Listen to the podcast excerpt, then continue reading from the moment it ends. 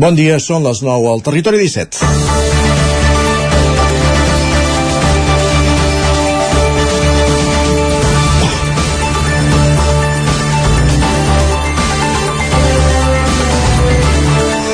Partir d'ara, els ajuntaments poden iniciar processos de desnonaments d'habitatges ocupats de grans tenidors que generin problemes de convivència amb els veïns.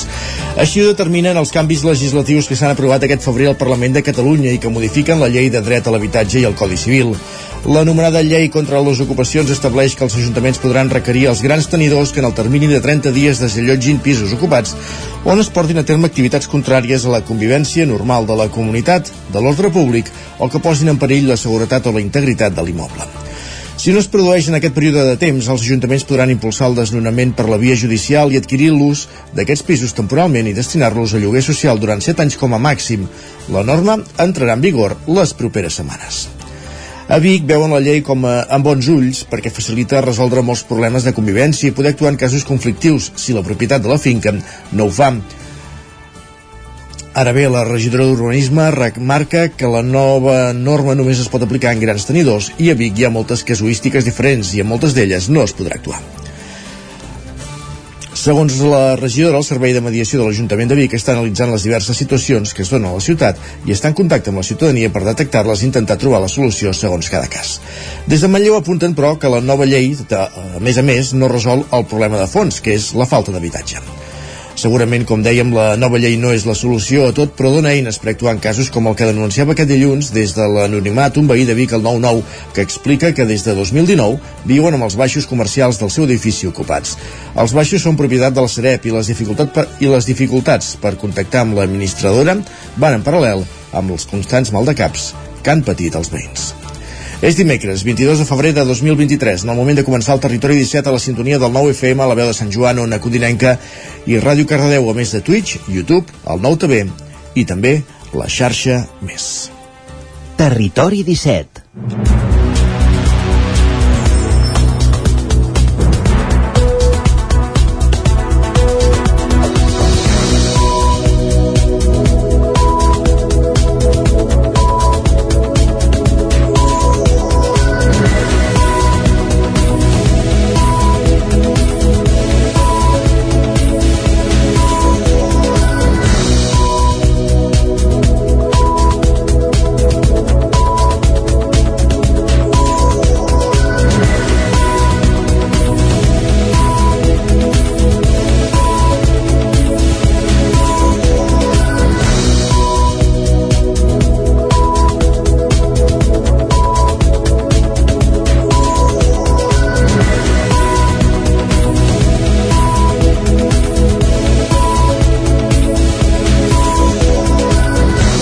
que passen de les 9 del matí en el moment de començar el Territori 17, el magazín de les comarques del Vallès Oriental, l'Osona, el Ripollès i el Moianès, que us farà companyia durant dues hores des d'ara fins al punt de les 11 a les diferents emissores que formem aquest Territori 17.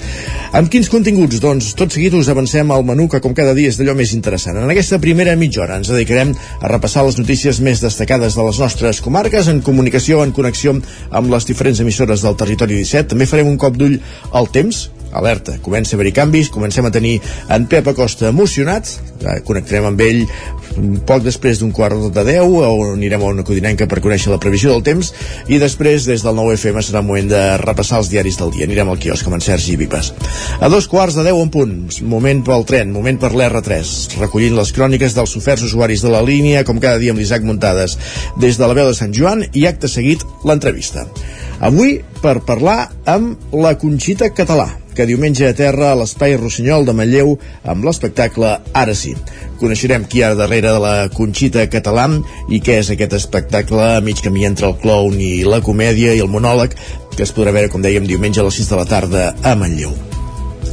Més qüestions. Arribarem al punt de les 10 analitzant les ODS, els objectius de desenvolupament sostenible, notícies de les 10, la previsió del temps i el territori sostenible, com cada setmana recollint experiències sostenibles mediambientals a, a casa nostra.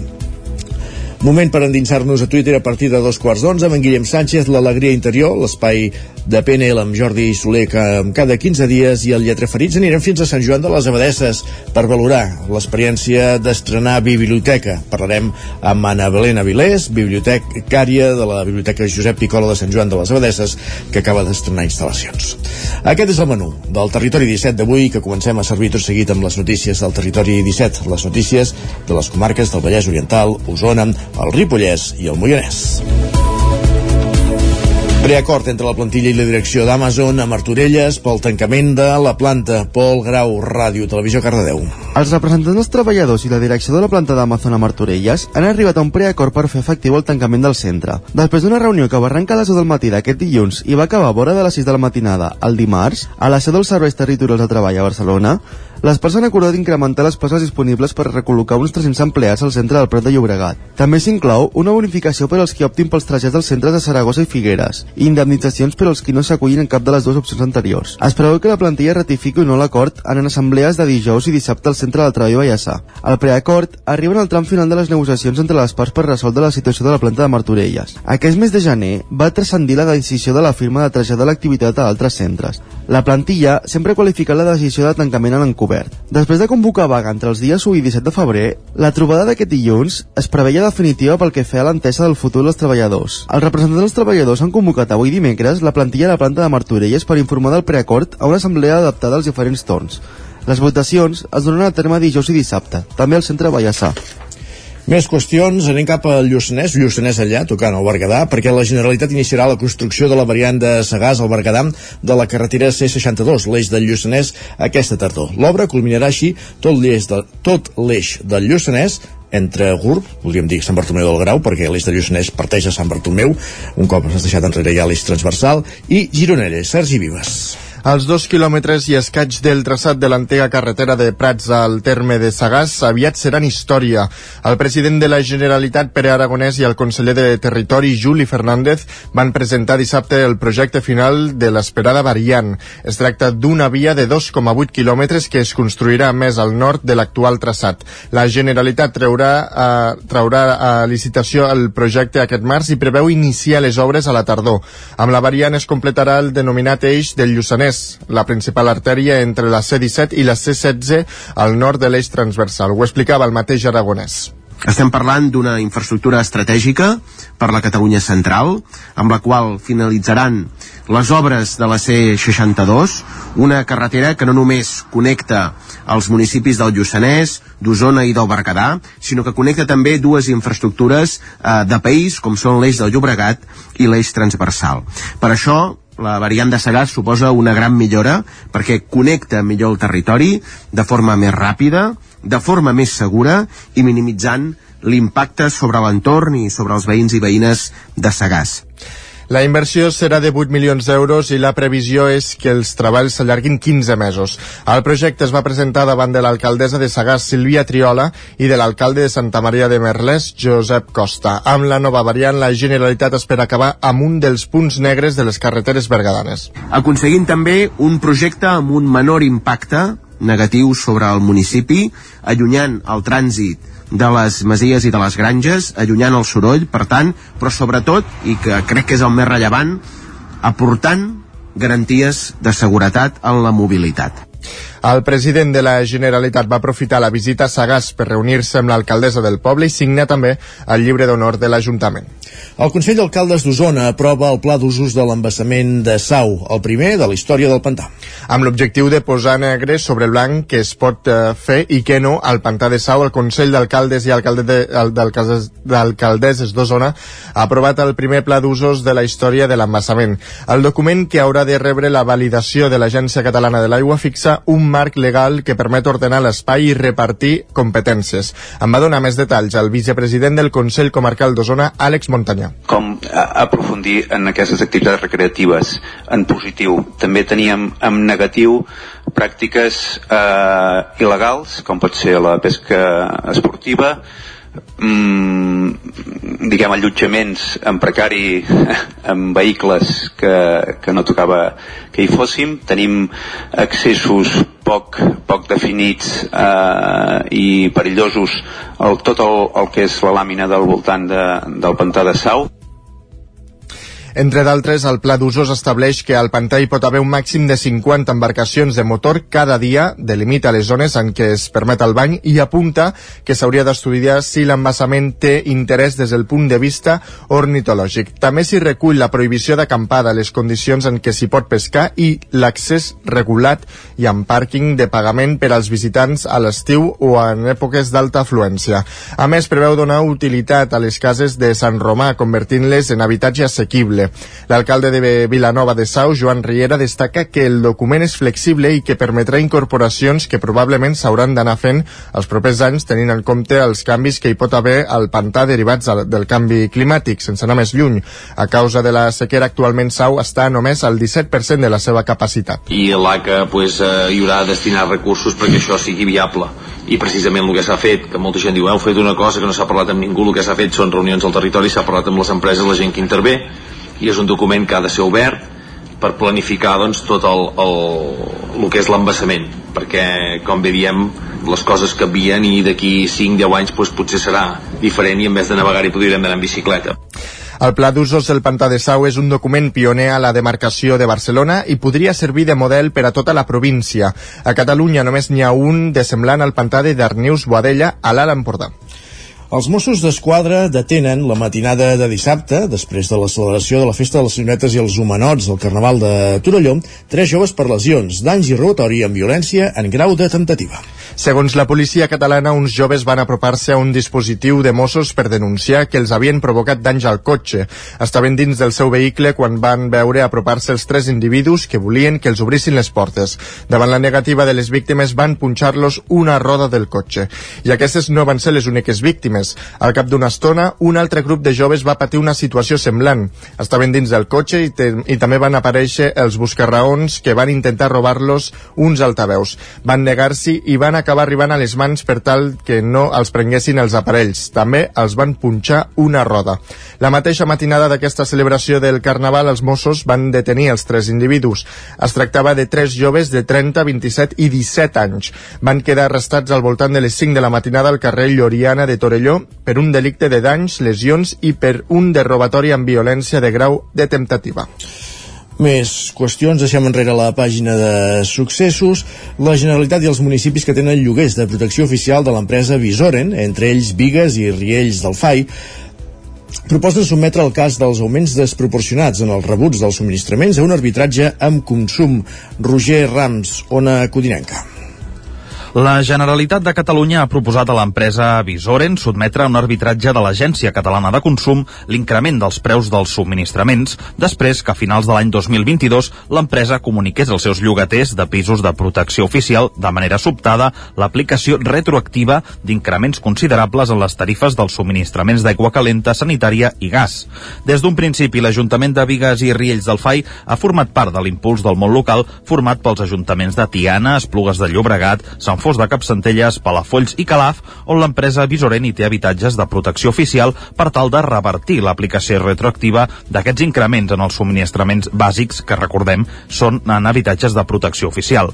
Doncs bé, aquest divendres, representants locals d'aquests municipis i representants de les agències catalanes de consum i d'habitatge s'han reunit amb la s'han reunit. La primera tinent d'alcalde de Vigues i Riells del FAI, Maite Escobar, explica quines són les passes a seguir. Una cosa molt important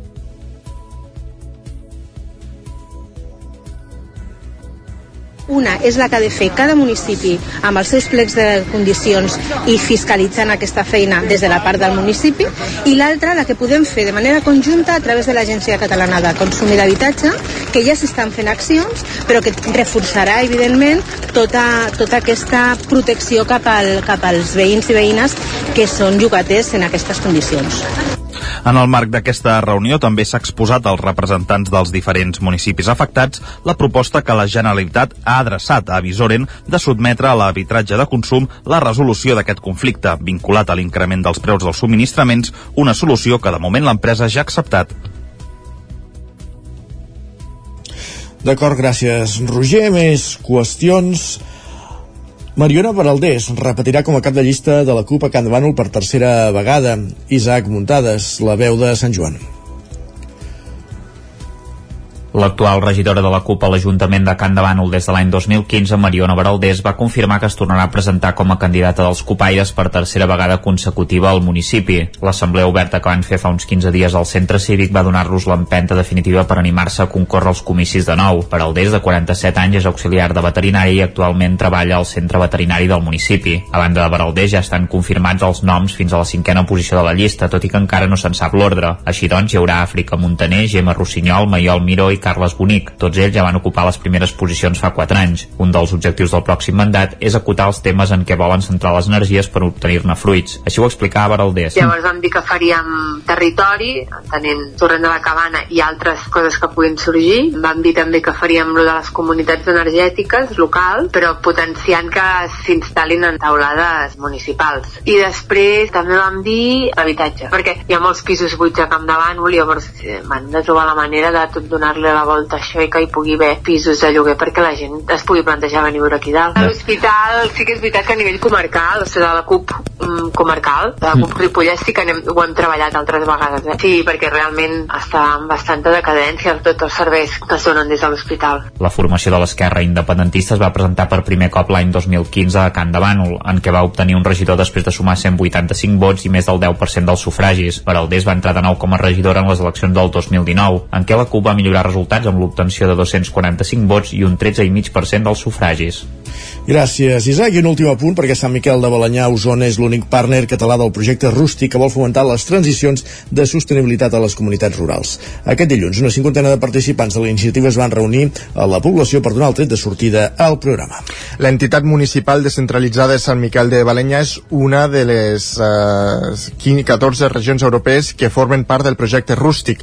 Aquest dilluns, una cinquantena de participants de la iniciativa es van reunir a la població per donar el tret de sortida al programa que té per objectiu de millorar la resiliència de les comunitats rurals. En parlava la coordinadora d'aquest projecte, Simon Sterli. L'actual regidora de la CUP a l'Ajuntament de Can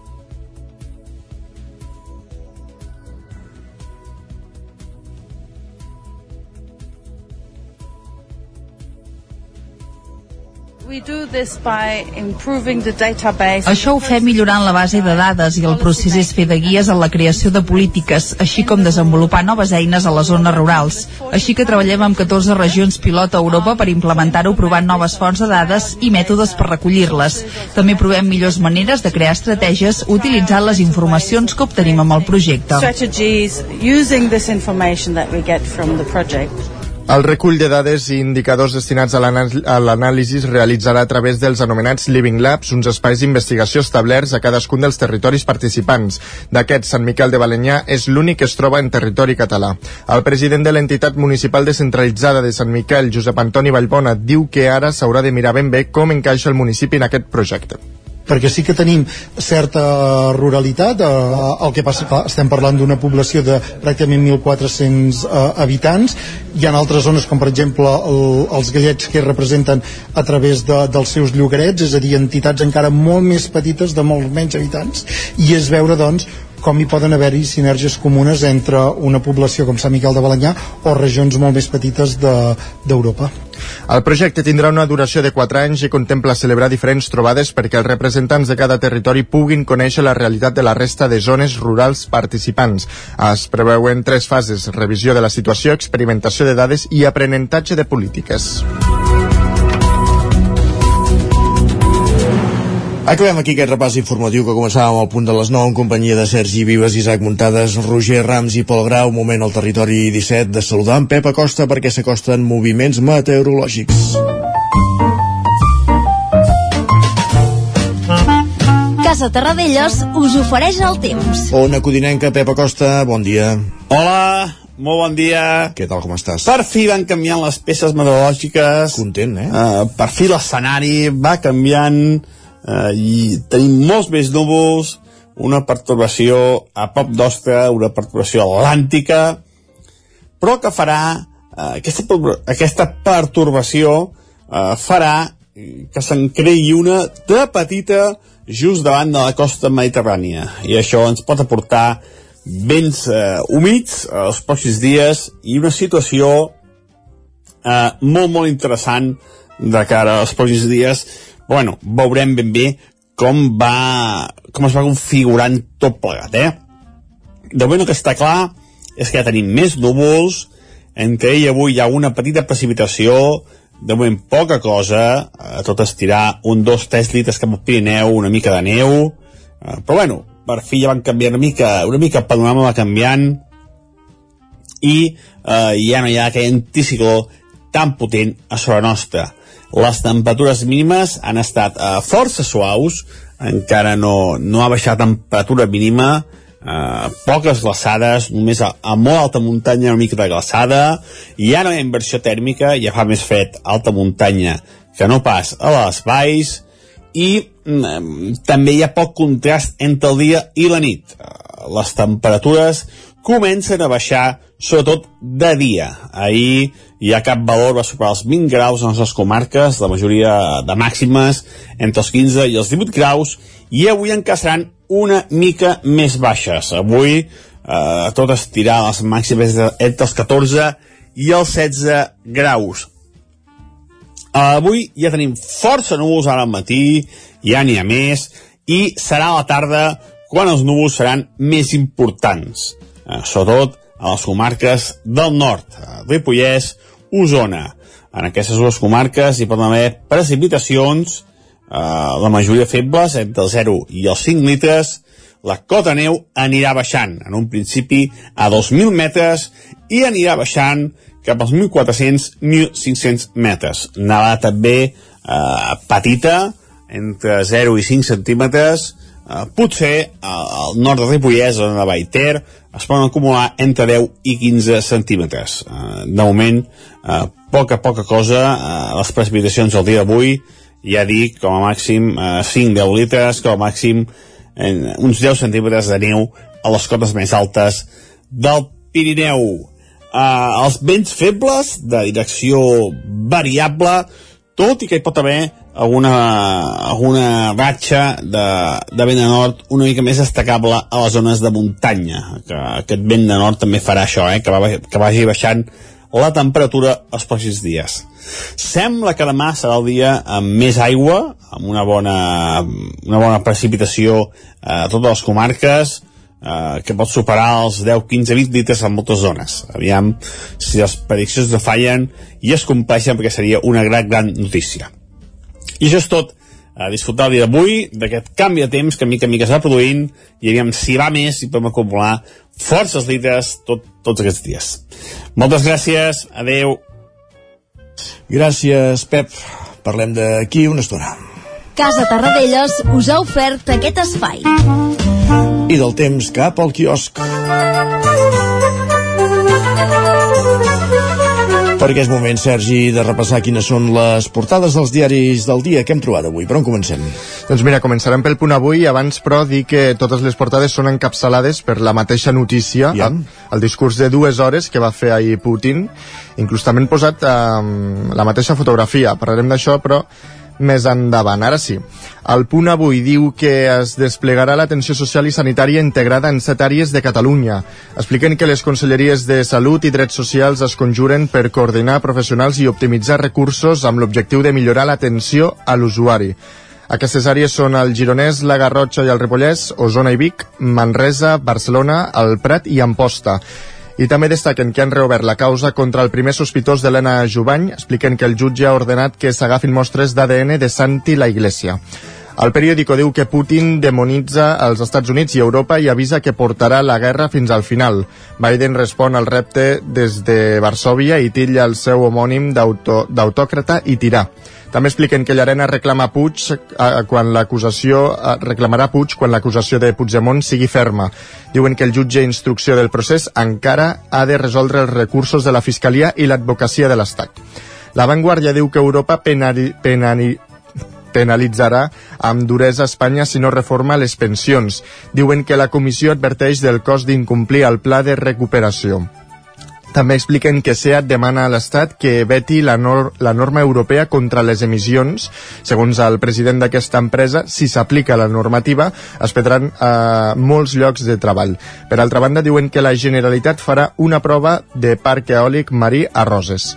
Lara destaca la llum verda a la finestra única per atendre la gent gran. Expliquen que comença la integració dels CAPs i els serveis socials per millorar el servei als departaments. També diuen que el Departament d'Acció Climàtica declara l'emergència cinegètica per super, superpoblació de porcs senglars a les Gavarres i Rocacorba. L'objectiu és matar gairebé 7.000 senglars. Déu-n'hi-do. Anem... S'ha d'actuar davant la plaga. Més Sí. qüestions. Anem a les portades que s'editen a Madrid. El país diu que Putin suspèn l'últim acord de control nuclear. Expliquen que el president rus assegura que res frenarà la seva guerra fins al final. L'OTAN avisa que es desmantela l'arquitectura del control de les armes i afegeixen que l'exèrcit rus ataca civils en una estació d'autobusos a Gerson. També destaquen que Feijó ha comparat la llei de trans amb la llei del només sí és sí, dient que acabarà funcionant igual de malament. El líder del PP ha dit que a Sánchez que deixi de molestar la gent eh, de bé. Aquest li ha respost que no sabia que l'ampli- que l'ampliació de drets molestava la gent de bé. L'ABC diu que el mediador del diputat del PSOE va ser condemnat per robatori i estafa. Expliquen que l'ampli historial delictiu de Navarro no el va impedir que tractés amb empresaris i un general de la Guàrdia Civil. Afegeix, eh, gràcies a la seva amistat amb Tito Bereu, afegeixen que l'expolític reclamava a Mancia cada vegada més diners al seu contracte. El Mundo diu que la cultura de la cancel·lació va per totes amb Roald Dahl. Expliquen que la reescriptura de l'obra de l'autor de Matilda per suprimir gras o convertir-la o convertir a caixeres en científiques mostra els excessos de la correcció. La Razón diu que hi haurà la coalició zom... diu que hi haurà la coalició zombi fins que es dissolguin les corts. Expliquen que necessiten... Coalició zombi, carai. Així ho qualifiquen. Expliquen que necessiten transmetre que el govern pot tenir continuïtat després de les eleccions. També destaquen que la missió d'igualtat de la Unió Europea reprèn a Montero pel només sí és sí. Diuen que la delegació li recorda que els jutges l'únic que fan és aplicar la seva llei. Molt bé. Coalició zombi, també podem parlar de la... de, de dels mediàtics zombis. En fi, de la També. caverna zombi. Uh, fem una pausa tot seguit, gràcies Sergi. Uh, i tornem amb la resta de conti amb més continguts previstos en aquest matí de Territori 17 fins ara mateix. El nou FM, la ràdio de casa, al 92.8. Piscines en export. Disseny, garantia, qualitat... Excavacions en export. Excavacions i moviments de terres, enderrocs i murs de pedra natural. Piscines i excavacions en export. Som a l'Atmella del Vallès. Telèfon 93 843 2577. Més informació a anexport.es.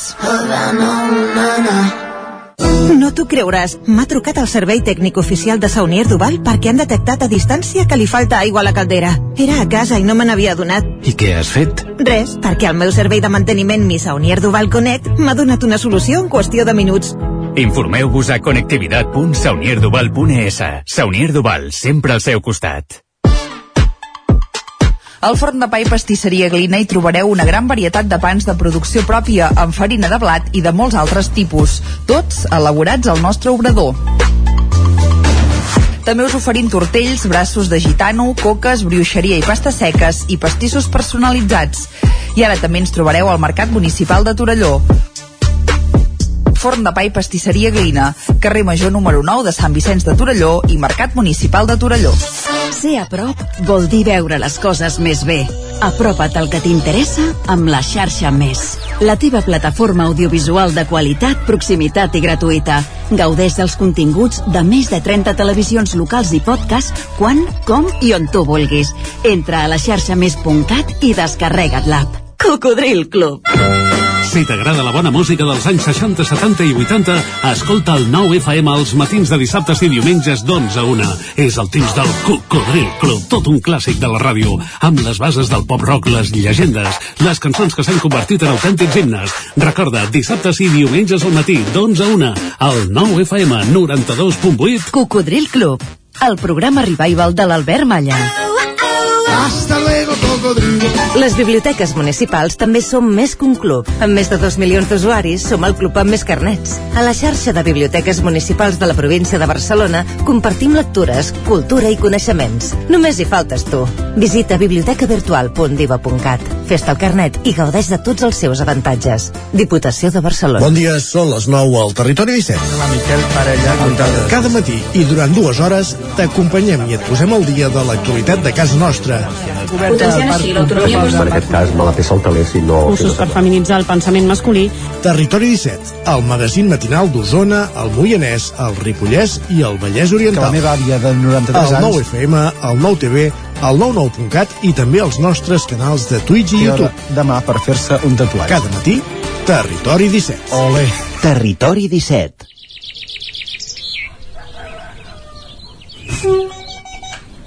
A Tren d'Alba. Cada dia els usuaris i usuàries de la línia R3 de Rodalies que veuen sortir el sol des d'un vagó ens expliquen les gràcies i les penes del primer comboi que uneix Ripoll i Barcelona o les feixugues jornades amb el tren després de treballar.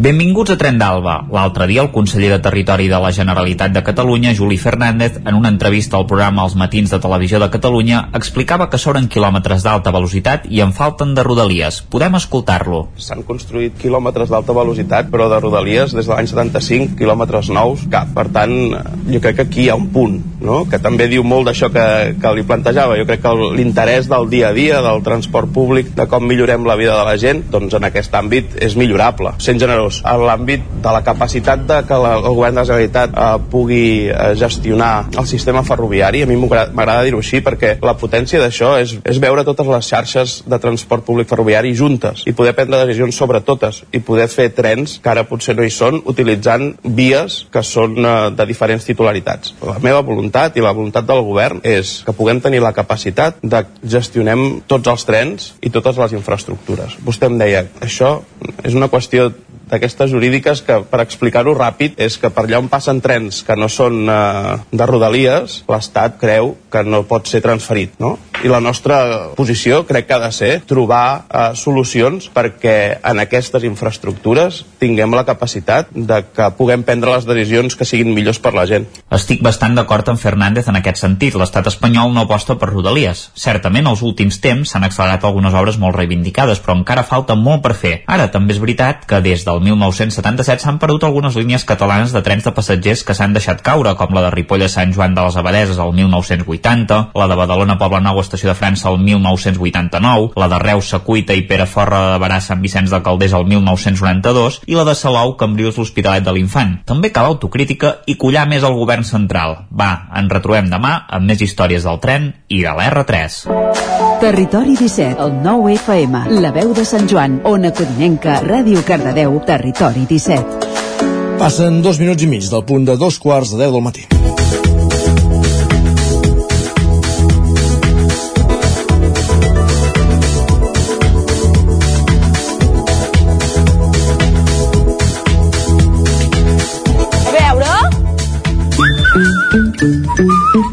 Si mires cap a dins i si mires cap al teu interior, potser veuràs coses que... Potser veuràs coses que eh, ara ens explicarà la, la seva protagonista, qui acabem de- d'escoltar, de, és Conxita Català, i rere aquest personatge que dimarts, que diumenge es presentarà, debutarà en un escenari a a Manlleu, hi ha la periodista i actriu Gisela Puntí. Gisela, benvinguda, bon dia. Molt bon dia, moltes gràcies Isaac. Què tal, com estàs? Mira, moltes ganes, com deies, de, de portar l'espectacle que vam estrenar a Girona, a la Sala La Planeta, portar-lo a Manlleu, a les meves terres, a la comarca d'Osona, em fa molta il·lusió portar-lo a l'espai Rossinyol el diumenge a les 6 de la tarda, la veritat. Ara parlarem de la Conxita Català. Abans deixa'm dir que també ens fa molta il·lusió i en certa, man i en certa manera respecte a fer aquesta entrevista amb una companya de feina amb qui hem tingut diverses batalles en, en directes de televisió i que avui et veiem a l'altra banda de, de la peixera o de la pantalla, diguéssim, presentant-te com a actriu, Gisela, perquè fins ara et coneixien com la faceta de periodista i ara se't desperta aquesta nova faceta. Bé, ara se't desperta no, ara es fa pública per entendre'ns, però ja entenc que ja fa temps que, que, que hi voltes. Com, com és aquesta transició, diguéssim? Com, com se't desperta el cuc de, de, del teatre, de, de l'actuació, del clau? Mira, de l'actuació fa anys, eh? Jo crec que des de, de petita ja sempre actuava, a casa meva m'ho deien, no? I potser que jo recordi més, amb 15 anys ja vaig començar a fer teatre, i sempre, mai no vaig, sempre vaig estar vinculada amb el món del teatre. Després, més endavant, quan vaig anar a Barcelona, recordo que quan tenia uns 18 anys vaig començar a entrar més en el que eren els recitals de poesia, m'agradava molt escriure poesia, vaig acabar fent com performance, que aquí Vic també em vaig presentar una que es deia Punts Suspensius, que vinculava la música, les projeccions i la música en directe, i la cosa va anar, va anar caminant, vaig anar a, a, a tocar el clown, em va agradar, i vaig dir teatre i clown mm, vinculat, m'agrada, i d'aquí va començar tota la història i la Conxita Català va néixer abans de tot plegat, però després, clar, em va venir, vaig dir, vull fer un espectacle, necessito un director i vaig anar a buscar el Pep Vila. Molt bé. D'aquí tot plegat. Sí, sí, porto uns anyets ja amb el Ja ho tema. veig, sí, no, no. Uh, I durant tots aquests anyets, com bé deies, has anat treballant un personatge que és la Conxita Català. Qui és la Conxita, va? La Conxita Català és una dona d'edat estupenda, diríem, que, bueno, que li han passat coses a la vida com a tots, que ha perdut la fe, que ha deixat de creure en coses, que se li han ensorrat tots els pilars de la vida i que mm, decideix emprendre un, un viatge espiritual. I aquí passaran moltes coses que la gent no podran veure perquè no podem desvetllar algunes d'elles i al final dona un gir tota la història. No puc explicar molt perquè si ho explico els que vinguin no els hi farà gens de gràcia, no? No, no, no Però és això, és una miqueta perdre una mica el sentit de la vida en aquells moments que diu què, què faig jo ara i, i obrir-se de mides i dir començo un, un camí espiritual, vaig provant de diferents filosofies i després passa alguna cosa. Deies això, que aquest personatge ja més o menys ja el, ten, el treballaves de feia temps, ara l'has acabat de construir. Com, com ha anat tot aquest procés constructiu? Mira, va començar, la Consulta Català va néixer com una mica de... Jo, jo, jo veia molt de les Teresines, va començar com un divertimento a casa, feia improvisacions als cabarets, m'ho demanaven i deien, va, pots fer... I a mi m'agrada improvisar i ho feia. I després també va haver el, el confinament i el programa Ens quedem a casa, que fèiem per la xarxa i per les diferents televisions locals, i em van demanar, podries fer una secció al final del programa? I vaig dir, vinga, va, sí, és un bon moment, la gent està a casa, els podem distreure, i a partir d'aquí hi vaig encara anar treballant més, i va haver un punt que vaig dir, si vull fer una cosa uh, més profunda, si vull fer un espectacle ja d'uns 45 minuts, necessito algú que em dirigeixi, perquè la improvisació està molt bé, però necessita un guió darrere i necessita un bon director.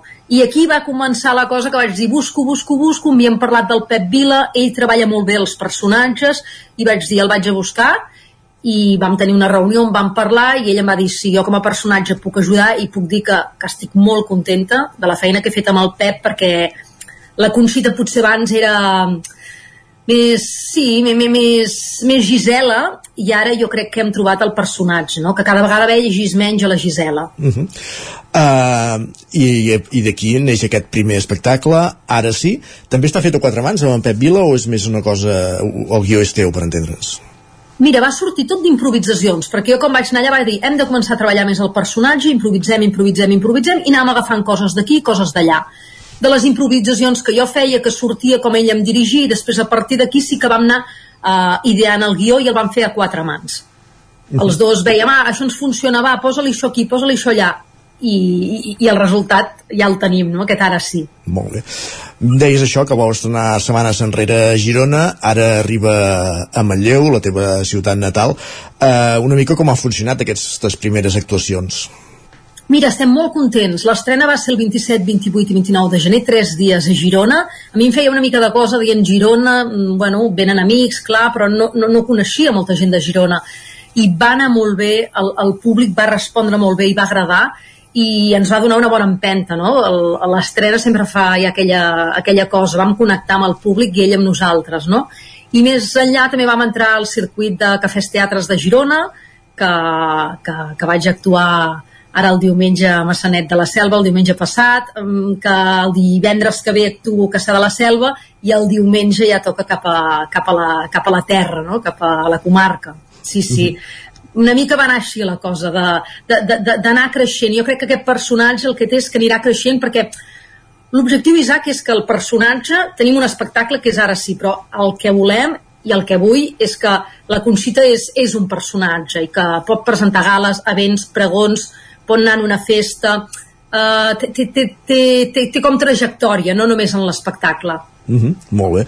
I una mica quin, quina és la reacció del públic i entenc que això, un cop acabat l'espectacle que, que, que hi pot haver intercanvi d'impressions, com què transmeten, diguéssim, que, com respon el públic?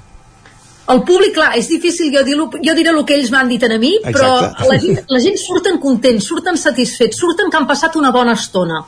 Jo et diria que no és un espectacle per dir ui, és d'humor, ribré molt. No, però sí que estaràs, et faré passar una bona estona i entraràs en un viatge i al final de l'espectacle, quan dic que hi ha un gir, al final, final, final també n'hi ha un altre, no? I després hi ha més interacció potser amb el públic i, i podem compartir més allà, no? Però la gent eh, se'n van, se'n van contents. I jo crec que com estem ara, en el moment que estem ara, que la gent vagi a veure un espectacle, desconnectin dels problemes, les coses que puguin tenir, i surtin amb un somriure a la cara, per mi això és un regal, realment. I el públic canvia molt, perquè et trobes públic de l'edat de la Conxita, et, pobles, et trobes públic tot és adult, perquè és a partir de 11 anys jo crec que la gent poden entendre l'espectacle, però és molt curiós, no?, la diversitat d'edats que venen a veure'l. Mm -hmm. Com dèiem, ara sí, aquest primer espectacle de, de la Conxita Català que es representa diumenge a la tarda a l'Espai Rossinyol de, de Manlleu. Eh, parlem una mica més de, de, del personatge o de la tècnica teatral, perquè hem parlat d'això, de fer teatre, de fer monòleg, però eh, també parleu de, del clown, diguéssim, que has evolucionat cap aquí, cap a la tècnica també de, del pallasso, del circ, diguéssim, no? Eh, barrejant tot, en, entenc barrejant tots, totes aquestes tècniques per fer el personatge, diguéssim, més més creïble, o no sé si seria la paraula, eh, diguéssim.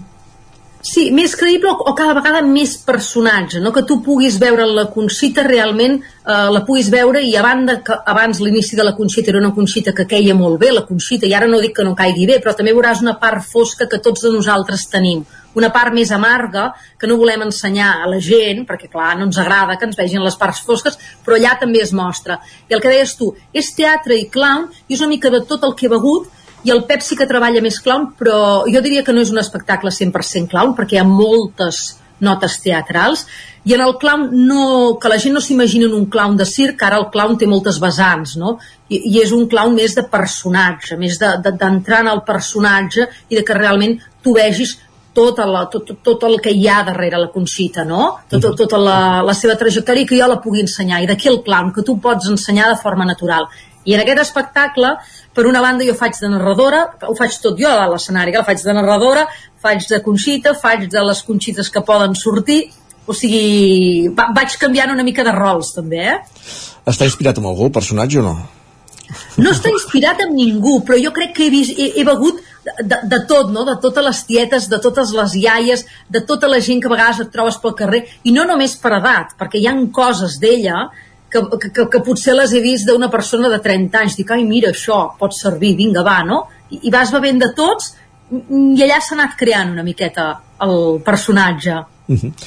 Deies això, que és un personatge que, que ha de tenir recorregut, que, que el presentes, l'estrenes com a, com, amb, amb un espectacle però que, que pot fer que té molt recorregut, que pot fer moltes altres coses presentacions, eh, comenci a haver-hi haver ja moviment, diguéssim en, en aquest àmbit de, de contractació diguéssim, més enllà d'aquesta estrena. Ja sabem que és tot molt recent, eh, diguéssim i que en, encara hi ha temps per hi, hi ha molt recorregut, però diguéssim comença a haver-hi moviment de moment hi ha, hi ha moviment de presentació del, de l'espectacle, no? que això sí, que n'hi ha i, i estic contenta i tinc ganes que n'hi hagi molt més perquè l'hem de rodar, rodar i quan més rodes un espectacle i com més el fas, més es va, més va agafant les arrels, no? I en l'altre vessant, de moment no, però, però confiem que vagin sortint, no? Perquè és la, les ganes de que s'expandeixi uh, per altres bandes, segurament per Sant Jordi, segurament la Conxita sortirà també com a personatge a celebrar el Sant Jordi, hi haurà diferents com, com accions, no? Accions al carrer, accions a, a, a la via pública, Mm. Perquè, per tant, el format de teatre de carrer també, te, també el, planteges, també el tens en cartera, per entendre'ns. Sí, no sé si és tan format... Sí, com, com a centena teatre de, de carrer potser l'entendria més com a acció al acció. carrer. Saps? Com no tant un espectacle, sinó una acció, el personatge pot anar amb personatge com a Conxita Català a comprar un llibre o pot muntar una paradeta o des d'aquest punt, sí. Doncs estarem expectants i ho anirem seguint. El que tenim clar és que, per exemple, diumenge a les 6 de la tarda a l'Espai Rossinyol de Manlleu tenim una cita amb la Conxita Català per passar una bona estona, per riure, per reflexionar amb, amb aquest personatge que a qui dona vida la, la Gisela Puntí, amb qui hem parlat avui aquí a, al Territori 17. Gisela, molta merda que diuen al món del teatre i moltes gràcies per ser avui aquí amb nosaltres. Moltes gràcies, Isaac. Fins Vinga, una abraçada. Igualment, Adéu. bon dia. Adéu. Bon dia. Gisela Puntí, l'alter ego de Conxita Català. Amb ella hem conversat avui aquí a l'entrevista al Territori 17. És moment d'avançar i ho fem parlant d'objectius de desenvolupament sostenible, d'ODSs. Territori 17. Envia'ns les teves notes de veu per WhatsApp al 646 079 023. 646 079 023. WhatsApp Territori 17.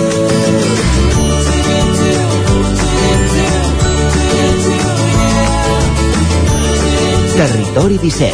Som a Facebook, Twitter i Instagram amb l'usuari Territori 17.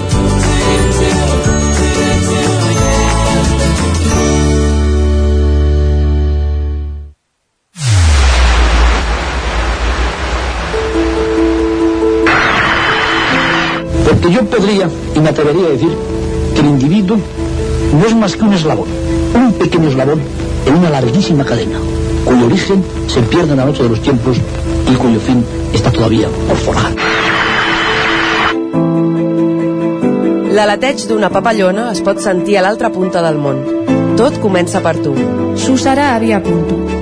Ona ODS. Onda ODS. Una finestra oberta Una ventana abierta. a un futur sostenible. Etorkizun jasangarri baten ardatz. Una fiestra aberta A un futur sostenible.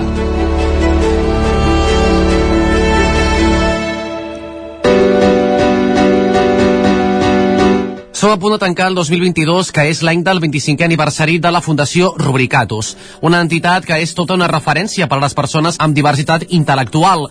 A banda de treballar per la inclusió sociolaboral d'aquest col·lectiu, des de fa uns anys també treballen amb un altre ODS, amb un altre objectiu de desenvolupament, de desenvolupament sostenible, el de l'economia circular i reciclatge. En parlem amb Raül Punzano, responsable de producció i economia circular, i Anna Martín, presidenta de la Fundació Rubricatus. En primer lloc, expliqueu-nos com ha evolucionat la Fundació en aquests 25 anys. Clarament, jo crec que la Fundació Rubricatus en aquests 25 anys té tota, tota una evolució que centrada en el món del treball i com fem aquesta inserció eh, laboral i social de les persones a, amb discapacitat eh, intel·lectual. També hem anat evolucionant en com, com també la nostra societat ens marca uns reptes i jo crec que un dels reptes claus que hem sigut capaç de donar una volta a la secció també d'industrial, és a dir, el, el, aquest, aquesta part de la de Tessiprat és com donem una resposta a una emergència climàtica que ens demana que també el món empresarial i els, i els que fem serveis a les empreses també puguin donar una resposta en aquesta emergència climàtica i per tant aquesta economia circular el que dona és un dels reptes que actualment tenim en, en l'actualitat i com fem reciclatge, recuperació i per tant est, estem donant-hi la volta a moltes de les nostres feines obrint nous, nova cartera de clients i també nous projectes que donin sentit en aquesta situació climàtica i planetària que ens, que ens obliga a totes i tots a revisar-nos també les nostres feines. A més, des de fa uns anys la Fundació també treballa amb diverses iniciatives d'economia circular. La primera va ser els Land Llars Sostenibles, una iniciativa més reconeguda com a una bona pràctica pel Ministeri de Transició Ecològica. Sí, correcte. Doncs eh, tot aquest canvi, tota aquesta transformació va començar fa 5 anys aproximadament,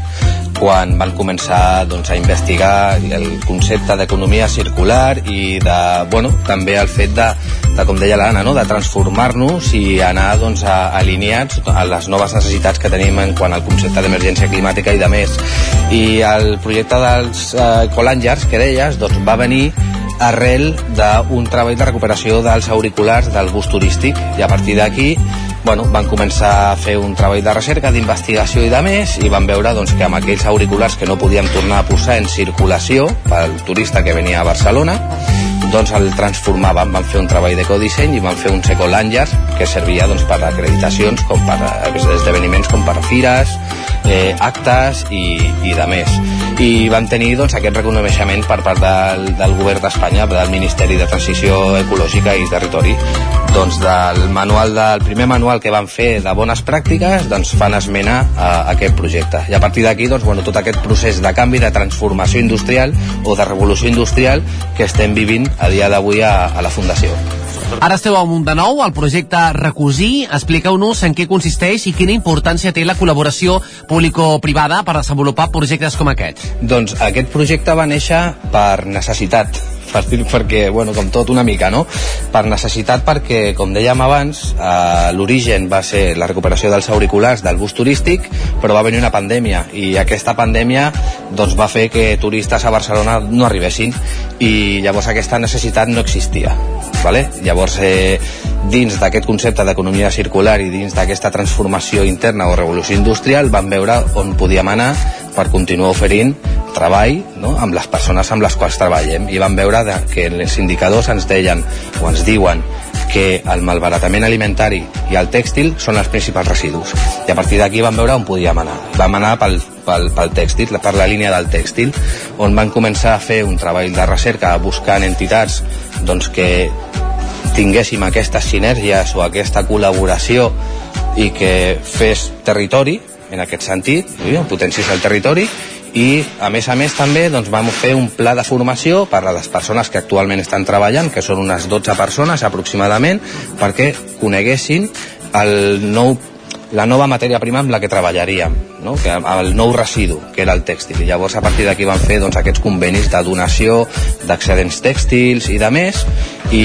això, eh, vam fer tot un procés de selecció de retalls de tela i de més, i a partir d'aquí doncs, comencem a fer tot una, un treball de patronatge, de tall, de confecció i ecodisenyem productes doncs, que després tenen un valor tant a nivell d'empresa pública com privada. De fet, es treballa molt en xarxa amb altres entitats del Parc de Llobregat, oi? Sí, vam extrapolar, diguéssim, el nostre projecte de recusir a entitats socials on fan, eh, tenen el mateix, diguéssim, significat, però a diferents productes, per dir-ho d'alguna manera, no? Llavors, nosaltres ens anem més a la línia industrial, doncs el que volem és que aquest projecte que nosaltres estem fent aquí vagi a la part domèstica. És a dir, que aquestes entitats, com deia la Anna, no? de, de tota màquina, Francesc Palau, etc i tal, doncs que puguin fer els seus projectes, puguin fer igualment amb el residu tèxtil domèstic aquesta transformació, aquest canvi, aquest reaprofitament d'aquestes teles que en principi a dia d'avui o fins no fa gaire anaven a una incineradora i provocaven doncs, bueno, a nivell de petjada de carboni o, o de CO2 l'impacte que ja sabem. No? I és que cada persona a Europa llença uns 11 quilos de roba a l'any i per això des de la Unió Europea s'impulsa l'estratègia sobre productes tèxtils circulars i sostenibles que va en aquesta mateixa línia. Hem de començar a ser també un exemple i al final jo crec que les empreses municipals o, o, o la Fundació Rubricatus, que és un referent municipal, ha de donar un, un, un peu endavant en molts, en molts aspectes i ser, ser capaços de, de generar pues, aquesta xarxa i de ser pioners amb, amb aquest camí que al final acabarem tenint que fer tots en l'àmbit domèstic i també en l'àmbit industrial. El reciclatge és un compromís de la Fundació, però el principal és la inclusió de les persones amb diversitat funcional. Com reverteixen precisament projectes com aquest en aquest col·lectiu? Home, uh, per a aquestes persones eh, reverteix en quant al creixement que tenen, en quant a formació i experiència laboral amb l'objectiu, diguéssim, final i, diguéssim, el desitjable per tothom, que seria el poder posar-les dins d'un mercat ordinari de feina. O sigui que aquesta és la principal repercussió, aquest creixement que ells tenen a nivell personal en quant a formació i experiència que van adquirint amb aquesta línia. Al final el que volem és que aquestes persones també anem treballant, és a dir, perquè es vagin incloent en, en tot l'àmbit més ordinari de la inserció eh, laboral i que aquesta formació també els apropi a un àmbit també comunitari, perquè a part doncs, de, de, de la centralitat del treball intentem que hi hagin vinculacions amb altres entitats i que es visualitzin també a, eh, a, a la nostra ciutat, que per sort sí que és veritat que Rubricatus és, és un referent en molts sentits i per tant eh, també com a ciutat els tenim molt presents present. Jo crec que des d'una banda doncs, de la inserció eh, laboral formativa, però també des d'aquell treball comunitari i, i de ciutat, que crec que, és, que també és el que volem totes. Per últim, què creieu que falta encara per tal d'assolir la plena inclusió de les persones amb diversitat intel·lectual? Jo crec que, en aquest canvi encara ens queden marcar lleis i marcar obligatorietats a les administracions i a les empreses per obligar que aquesta, que aquesta inserció de les persones en l'àmbit eh, ordinari sigui molt major. Continuem necessitats, falten recursos, hem estat 10 anys on tots els serveis de, de persones amb diversitat intel·lectual han estat aturades, on tenim una congelació de les tarifes i tenim unes retallades que encara estan revertint dins del col·lectiu i per tant queda molt a fer. Hem d'obrir també tot el tema de l'envelliment, és a dir, tenim una societat cada vegada més, eh, més envellida i necessitem com es treballa amb, amb, amb recursos especialitzats eh, residencials, eh, també doncs, d'inserció laboral formativa. Nosaltres al Prat tenim eh, mm, eh, FPs especialitzades en eh, formació professional especialitzada per persones amb diversitat intel·lectual, és a dir, tenim moltes coses però encara queda molt camí per fer. Jo crec que les administracions hem de forçar encara molt més a l'àmbit ordinari empresarial i, de, i per suposat molts més recursos perquè aquestes persones puguin tenir una vida digna i lliure a les nostres ciutats i pobles. Bueno, al marge del que diu la, la Anna, o, o, o per afegir una mica no? de, del que diu, de, després de tot aquest aspecte, diguéssim, de, regular, de, de regularització, etc i tal, eh, la normalització.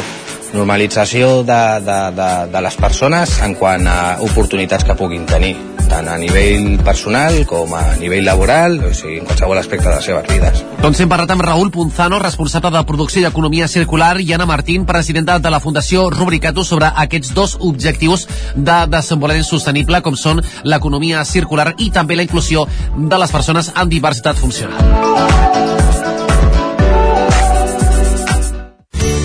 Territori 17. Envia'ns les teves notes de veu per WhatsApp al 646 079 023. 646 079 023. WhatsApp Territori 17.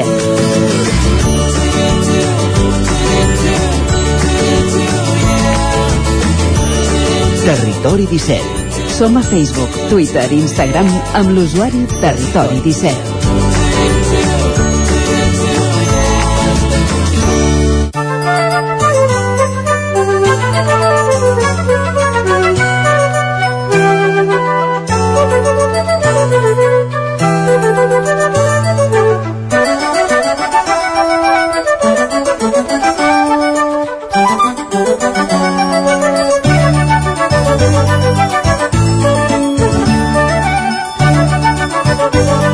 Avancem al territori 17 després de parlar amb la Gisela Puntí, de conèixer la Conxita Català i de fixar-nos en aquests dos objectius de desenvolupament sostenible a l'espai que dediquem als ODS cada dimecres abans d'arribar al punt de les 10. I ja sabeu que ens agrada sempre arribar a l'hora en punt, arribar a la coda del programa amb música i avui no serà cap excepció ho farem amb la música de, de la cantant catalana Sara Roy que mostra la seva cara més valenta de la cançó Ja no m'importa, una cançó, alerta, on planta cara eh, als haters, a tothom qui l'ha criticat al llarg de la seva carrera.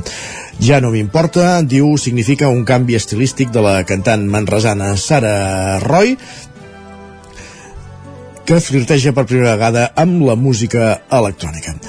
Comencem a escoltar aquesta cançó de Sara Roy, Ja no m'importa, nova entrega de l'intèrpret manresana des d'ara fins al punt de les 10 al Territori 17. Que penses i que aguanto Avui te'n rius i demà sembla que et canto. Els quatre nassos que ara sonen per la ràdio Podria dir-t'ho i ara ja no m'espanto. Sembla que el temps ha posat al lloc els trastos Si faig el que m'agrada és perquè només jo sé El que costa i el que sóc capaç de fer. No importa si em parles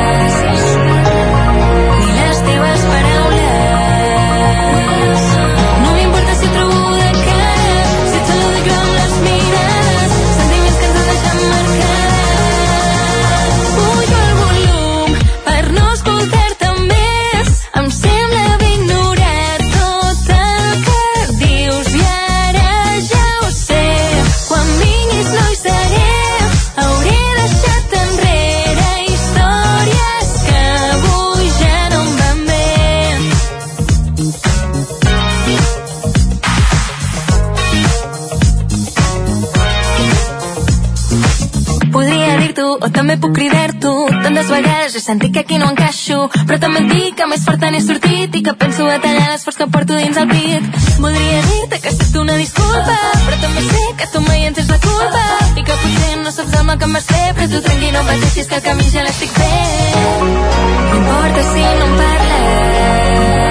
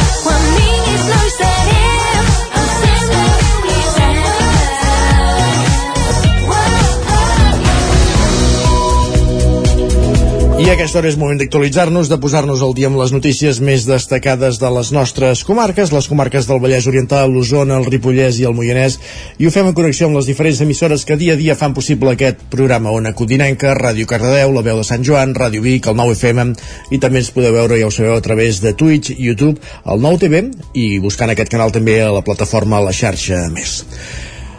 Per explicar-vos a aquesta hora que hi ha hagut queixes d'Esquerra per un informe del PAES de la Vall de Camprodon escrit en castellà. Isaac Muntades, la veu de Sant Joan. El portaveu de Més Camprodon Esquerra Republicana de Catalunya, Joaquim Coc, va denunciar en el darrer ple que l'empresa de Manresa que s'havia encarregat de fer l'informe del PAES de la Vall de Camprodon estava escrit en castellà i també traduïa el nom de pobles de la vall i dels topònims que hi sortien. Així en el text hi apareixien noms tan surrealistes com l'Anares, la Vaga de Carboneros, la Fèria de la Seta de Set Cases, Sant Andrés de Bestracán, el Puig de los Ladrones o Camprodon, amb accent tancat. El republicà no entenia com una empresa del Bages havia fet un informe en castellà i havia deixat de banda el català, fins i tot a l'hora d'escriure els noms propis. A més a més, Koch va fer notar que l'informe havia estat traduït del català amb Google Forms, però Esquerra només havia rebut un enllaç amb la versió en espanyol. Koch va ironitzar dient que no veien malament aprendre llengües estrangeres, però que estaria bé que estigués escrit en català. Aquesta va ser la contestació de l'alcalde de Tots per Camprodon, Xavier Guitart. I busca l'expedient que heu mirat, hi ha tot el document en català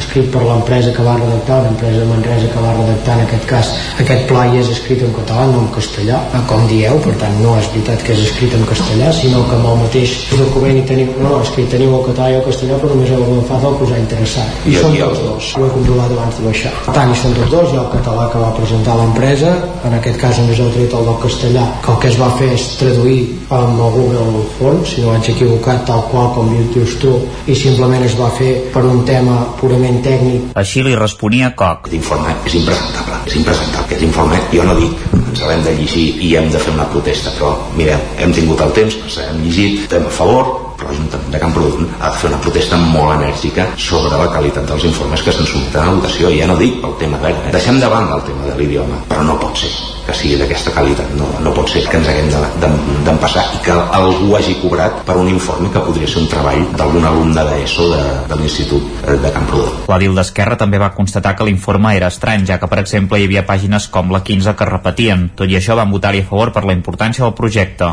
Gràcies, Isaac. Més qüestions. Desenes de persones participen en el cinquè aniversari dels avis i àvies de la plaça de Vic per la Llibertat. L'acte va comptar amb la presència de l'expresident de la Generalitat, Quim Torra. Amb fred, neu, pluja, vent o una calor infernal, cada dimarts des de fa 5 anys els avis i àvies de la plaça de Vic per la Llibertat s'han concentrat a la plaça Major per reclamar la independència de Catalunya i la llibertat dels presos polítics. Aquest dimarts s'han reunit desenes de persones per commemorar l'efemèride d'una lluita que mantenen ben viva. Ho explicava una de les seves membres, Sofia Pons. Representa que no ens rendim, representa que hi som, representa que hi hem sigut 5 anys i serem els que calgui, però que com més aviat s'acabés millor, perquè nosaltres el que volem és ser lliures. La independència és el que volem. Els polítics segons quins ja no ens representen. El poble som el poble i tenim la força per tirar endavant.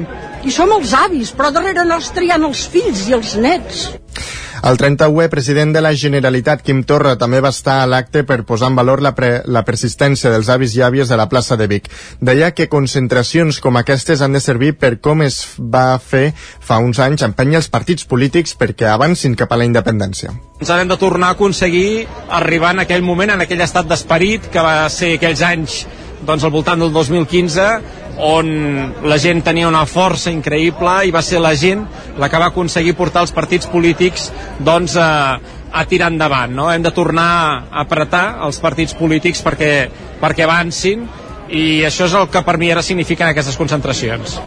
Entre els convidats també hi havia Jordi Pesarrodona, que ha dimitit com a vicepresident de l'ANC juntament amb 13 secretaris més, perquè són crítics amb el projecte de llista cívica que defensava la presidenta de l'Assemblea.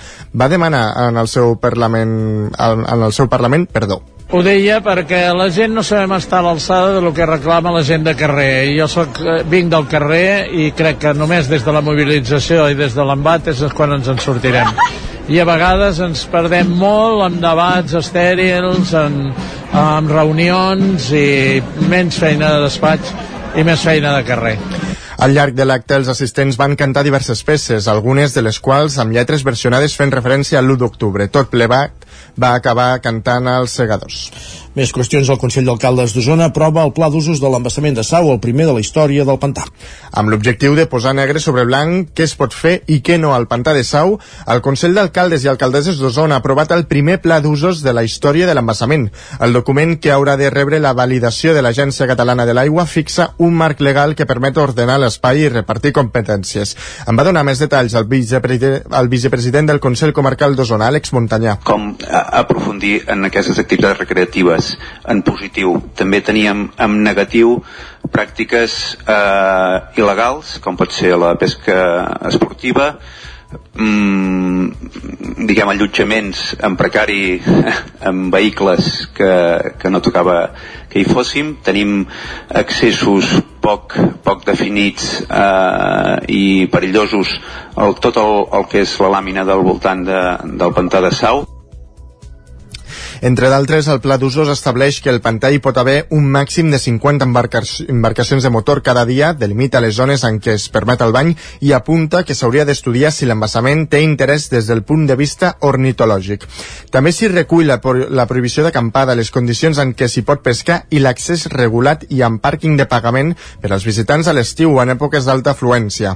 A més, preveu donar utilitat a les cases de Sant Romà, convertint-les en habitatge assequible. L'alcalde de Vilanova de Sau, Joan Riera destaca que el document és flexible i que permetrà incorporacions que probablement s'hauran d'anar fent els propers anys, tenint en compte els canvis que hi pot haver al pantà derivats del canvi climàtic. Sense anar més lluny, a causa de la sequera actualment Sau està només al 17% de la seva capacitat. I l'ACA pues, eh, hi haurà de destinar recursos perquè això sigui viable i precisament el que s'ha fet, que molta gent diu heu fet una cosa que no s'ha parlat amb ningú, el que s'ha fet són reunions al territori, s'ha parlat amb les empreses, la gent que intervé i és un document que ha de ser obert per planificar doncs, tot el, el, el que és l'embassament perquè com bé diem les coses canvien i d'aquí 5-10 anys doncs, potser serà diferent i en vez de navegar hi podríem anar en bicicleta el pla d'usos del Pantà de Sau és un document pioner a la demarcació de Barcelona i, podrà, i podria servir de model per a tota la província. A Catalunya només n'hi ha un de semblant al Pantà de Darnius-Boadella a l'Alt Empordà. Ens fixem ara amb les festes de Carnaval de Caldes de Montbui, Vigues i Riells del Fai Sant Feliu de Codines, Roger Ram, zona codinenca.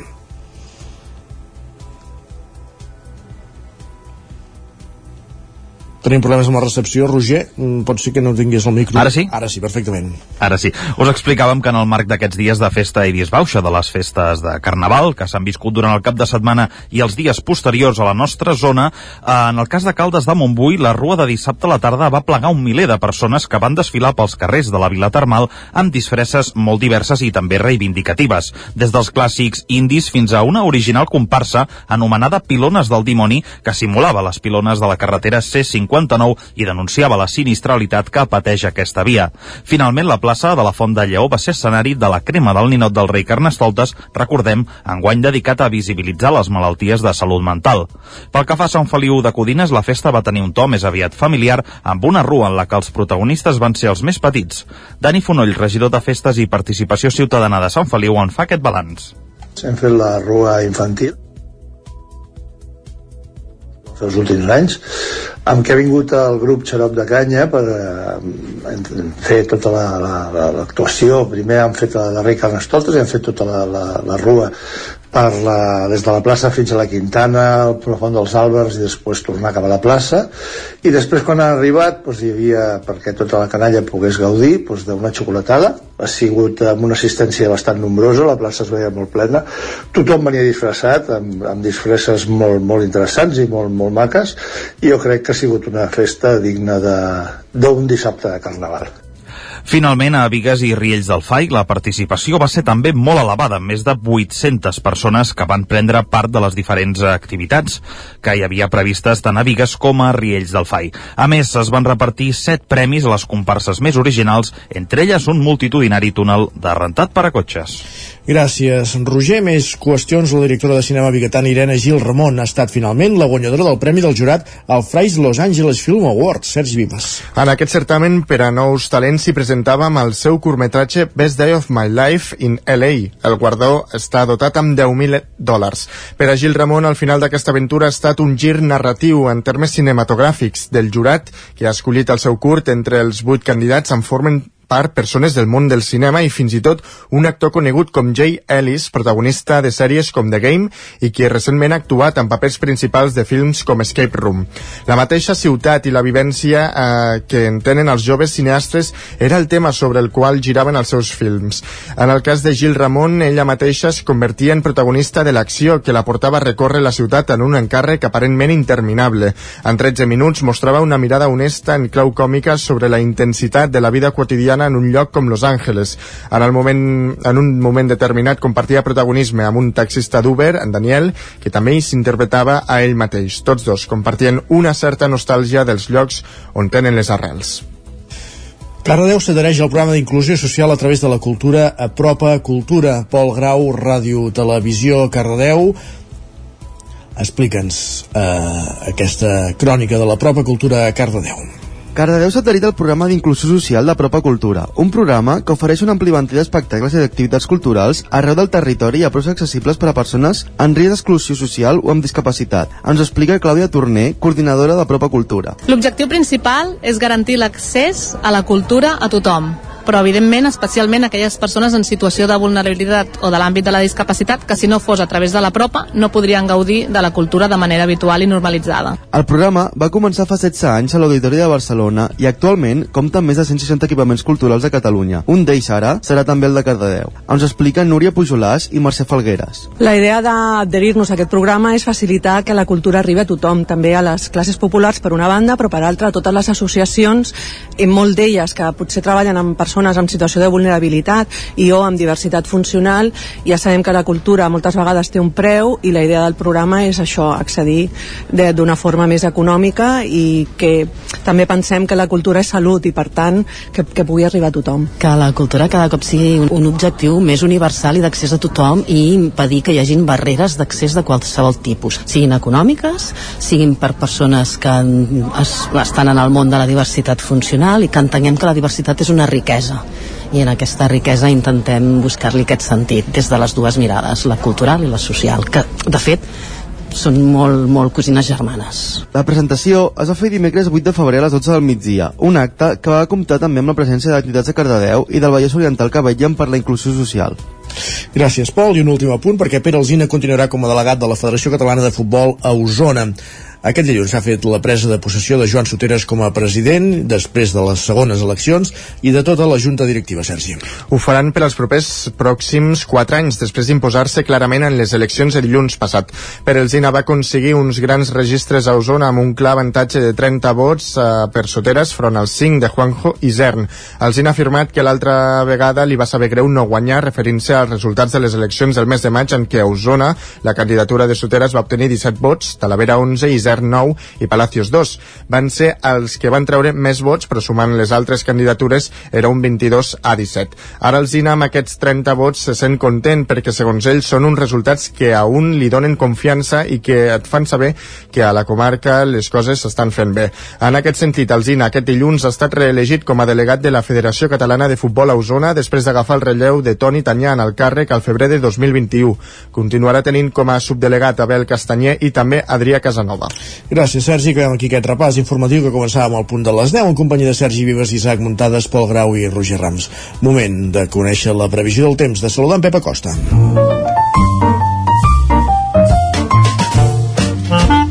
Casa Terradellos us ofereix el temps.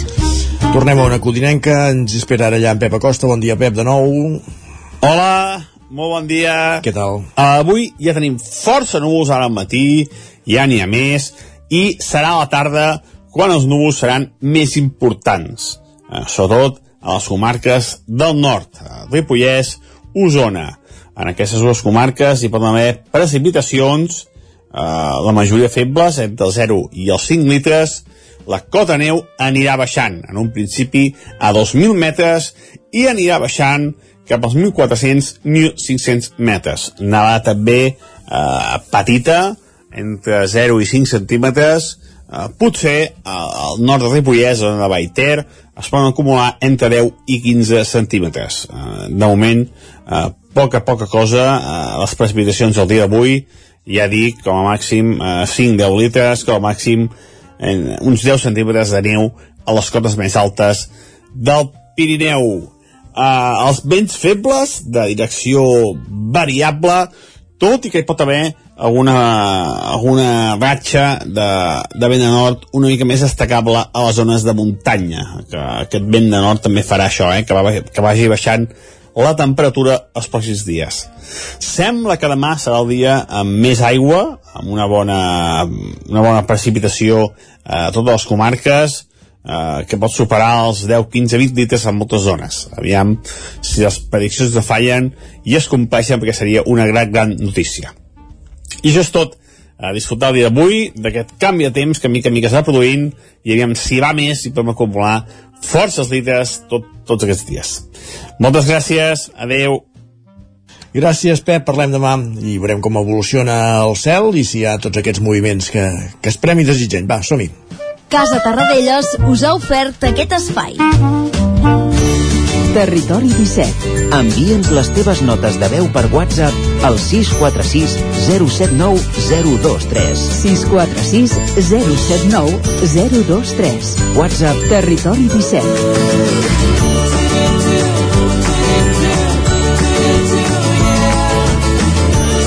Territori 17. Som a Facebook, Twitter i Instagram amb l'usuari Territori 17.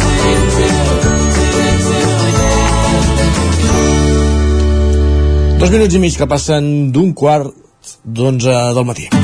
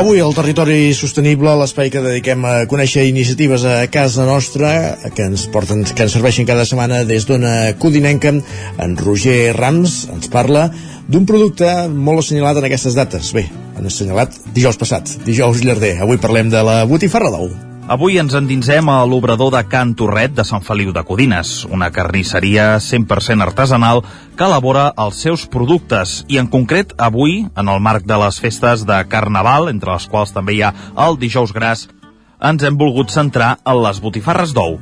Parlem amb en Josep Cardona, el seu propietari. Uh, Josep, avui estem aquí amb tu per parlar una mica del dijous llarder que... i és una festa molt nostrada que ha tingut molta tradició a casa nostra i volia preguntar-te com està com definiries tu que està de salut aquesta tradició jo penso que està molt bé uh, vull dir, és, una, és un tema que portem uns anys cap aquí que es van venent més les botifarres d'ou després a partir d'aquí es van agafant i es van creant uh, el que són uh, varietats de botifarra d'ou vale? vull dir, podem tenir posant a la casa botifarra d'ou amb anxova i carbassa vull dir, és un, una botifarra boníssima vull dir, si la vols provar Ara tastem, ara- ara tastem. Vale? vull dir, tinc, tinc anxova i tinc la carbassa com es veu vale? després aquesta d'aquí eh, és un invent que he fet per cara l'any que ve vale? eh, aquesta és una botifarra d'ou amb mangrana vale? el que passa que la mangrana el que fa és perdre una mica el que és el color de la botifarra d'ou val. vale? Després, aquí tenim una de poma, vale? Uh, la de poma ja fa uns quant temps pues, que està creada i és una que és molt bona uh, i d'aspecte pues, queda molt, molt bé, preciosa vale? després en tenim de moniato mm -hmm. vale? això són coses d'aquest any eh? Vull dir, uh, la que és aquesta de mangrana serà per cara l'any que ve sempre s'ha d'anar fent proves un any per l'altre aquesta és de moniato vale? és molt dolça vull dir, és una combinació uh, molt maca vale? i aquesta és la botifarra tradicional vale? de la, el que és la botifarra d'ou de, de sempre, la clàssica molt important doncs, els ous doncs, que siguin frescos i que siguin per anar bé ecològics mm -hmm. No? I aviam, uh, noteu aquests dies un, una demanda d'aquest producte? Sí, jo em faig tot l'any el que és la botifarra d'ou normal, vale? Després, uh, aquí, uh, aquestes dates, pues, agafo i faig alguna de varietat, però no em faig massa, és per tenir alguna perquè diguin, mira, què tens de nou, no? Pues, uh, els hi pot donar una mica de sortit, però no és el que més marxa, el que més marxa és la clàssica de tota la vida. Mm. Eh? I ens deies? Sí, sí, sí. No, i després es diu el dijous gras, eh, però el dijous gras és dijous jardí, botifarra menjaré. No cal la botifarra d'ou, també pot ser cuita, pot ser del perol, pot ser negra, també pot ser botifarra crua, vull dir que és tot un món eh, d'aquest, del món de la botifarra. Mm -hmm. eh? És una festa que ens deies que sí que heu notat que els darrers anys ha anat una mica en augment. Sí. Uh, no sé si aquest any també us afecta una mica el tema de, dels preus, perquè exactament no sabem com afecten aquest producte, però sí que en d'altres doncs, la cosa és complexa. Bueno, eh, el producte no és barat, vull dir, perquè si gastes els ous bons pues, valen cèntims, encara que hagin tret l'IVA ara temporalment, però vull dir, la matèria prima està molt cara, vull dir, és tota la tripa també és molt caríssima i bueno, s'ha d'anar lluitant per allò i els preus els mantenc tot l'any vull dir, més o menys vull dir, s'ha de pujar per el que és el mínim perquè jo he vist que botifarres d'aquestes normals eh, que són més petites en un supermercat i posen 3 i pico però quan mires el, relativament el que és el quilo són a 16 euros i pico el quilo. Jo l'estic venent a, aquesta d'anxova i carbassa són a 14,50 el quilo. Vull dir que no és una cosa cara perquè l'anxova és de l'escala i vull dir la carbassa pues, l'embarateixes una mica no? però s'ha d'anar lluitant i s'ha d'anar fent. La base eh? és un bon producte i una bona qualitat. A partir d'aquí després tothom que faci allò on vulgui. El que és normal és això a les botifarres de la manera que les estàs veient. Quan tu les veus allò tan grogues i tant d'això vol dir que ja hi ha un polvos eh, i greix i bueno, totes aquelles coses pues, que no sé com explicar mm. vale? uh, ens deies que uh, efectivament aquests darrers anys està, començant, està tornant no? a augmentar una mica la demanda això vol dir que veníem d'uns anys que s'estava perdent aquesta tradició? Bueno, jo sempre n'he vengut, vull dir, jo cada setmana pues, en faig, vull dir, eh, el que passa que per aquestes dates pues, eh, multiplico pot ser per 10, vull dir, no... Eh, és una, un disbarat de les botifarres d'ou que arribo a fer. Després la gent a vegades me s'enfada perquè no en tinc o el que sigui, dic, mira, eh, fas el que pots i ja està, vull dir que les he tingut que adelantar avui, després ens serveixen també el que volen i bueno, has d'anar fent com pots més o menys quina quantitat estimes que pots fer? Jo aquest any porto més de 200 quilos de botifarra del fetes. I això més o menys en peces? En peces són moltes, has de comptar cada 3 o 4 botifarres és un quilo, vol dir multipliques per això i són les quantitats de botifarres que pots fer. El que són en varietats, eh, aquestes no en faig gaire, faig 5 o 6 quilos i ja està, és per tenir alguna i. És una de les coses que eh, lo normal és el que més marxa per el tema de les escoles que van dient i coses d'aquestes després eh, molt bona també. Si la gent no sé si ho ha provat mai és agafar la botifarra d'ou eh, quan la arribes a casa agafes el poses al microones amb un got d'aire al costat vale, l'escalfes i et queda com acabada de treure de la caldera. És boníssima. Una cosa que no cal menjar-nos de la freda si volem vale? vull dir, a mi calenta m'encanta són maneres de poder eh, menjar el producte. Mm -hmm no, no, una manera, si més no, curiosa, no? Sí. Perquè a, alguna recepta més on poguessin incorporar aquest producte? Bueno, podem fer eh, de botifarres d'ous, eh, allà on et doni l'imaginació, pots agafar i tirar endavant, perquè l'ou és una de les coses que, que sempre, és com jo posant el cas amb els embotits, en faig 93 eh, ja m'he parat perquè la, no vull passar del 100 vale? Uh, estic preparant receptes per poder menjar el que són els embotits per dir alguna cosa. Això també es pot fer amb moltes històries, vull dir, uh, n'hi ha, doncs, si vols, d'escalivada, o d'aiams julivert, amb calçots, amb olives, uh, amb Frankfurt, amb, amb patates xips, vull dir, pots, uh, amb farigola, allà on et doni la imaginació, és una cosa que t'accepta molt. És com fer una truita. Si jo faig una truita, posi el que hi posi, que és boníssima, doncs és el, el mateix. Després hasta una pizza puc fer, vull dir, és que allà on no es doni la imaginació et dona molt. Uh, tot el que és la cuita d'ou i del perol et dona molt marge vale? per poder, poder introduir moltes coses vale?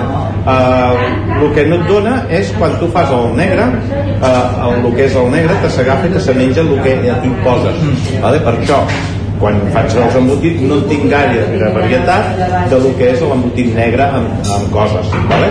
per això tiro més amb el blanc o amb el del perol o el que sigui perquè aquí m'absorbeix molt el que trobar els gustos de tot el que és el negre doncs en el cas un cop vaig fer una prova del d'agafar i fer amb mel vale? vaig agafar i hòstia, marxava, marxava dic ja veuràs vaig agafar un pot de mel, vaig agafar el vaig abocar i dic aquí és bueno, vaig agafar, el vaig provar, era dolç, dolç, dolç i això. quan vaig agafar el tenia cuit vale? la mel no la vaig trobar enlloc la sang agafa i s'ho menja tot el que són els sabors de, el coure amb allò el negre l'única cosa que pots fer és donar-li vista eh, amb l'altre amb algo cruixent o que sigui els tubs o en els de macadàmia o de cardos o pots fer amb, amb, amb doncs gràcies Josep per obrir-nos les portes de casa i veure avui aquesta magnífica selecció de botifarres i la història que hi ha darrere de la botifarra d'ous. Gràcies. Gràcies a vosaltres per haver-me convidat. Perfecte.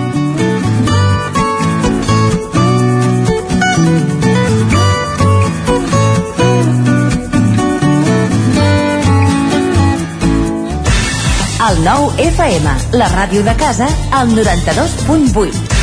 Les biblioteques municipals també som més que un club. Amb més de 2 milions d'usuaris, som el club amb més carnets. A la xarxa de biblioteques municipals de la província de Barcelona compartim lectures, cultura i coneixements. Només hi faltes tu. Visita bibliotecavirtual.diva.cat. Fes-te el carnet i gaudeix de tots els seus avantatges. Diputació de Barcelona. Bon dia. Us truco del Servei Tècnic Oficial de Bailand. Hem detectat que la pressió de la seva caldera està baixant. No me n'havia adonat. Com es pot solucionar? Ho resoldrem en uns minuts. No espereu més. Amb el servei de manteniment ServiPlus Connect de Bailan, preocupeu-vos del que realment importa. Nosaltres ens encarreguem de la vostra caldera. Informeu-vos a connectivitat.bailan.es. Piscines en export. Disseny, garantia, qualitat... Excavacions en export.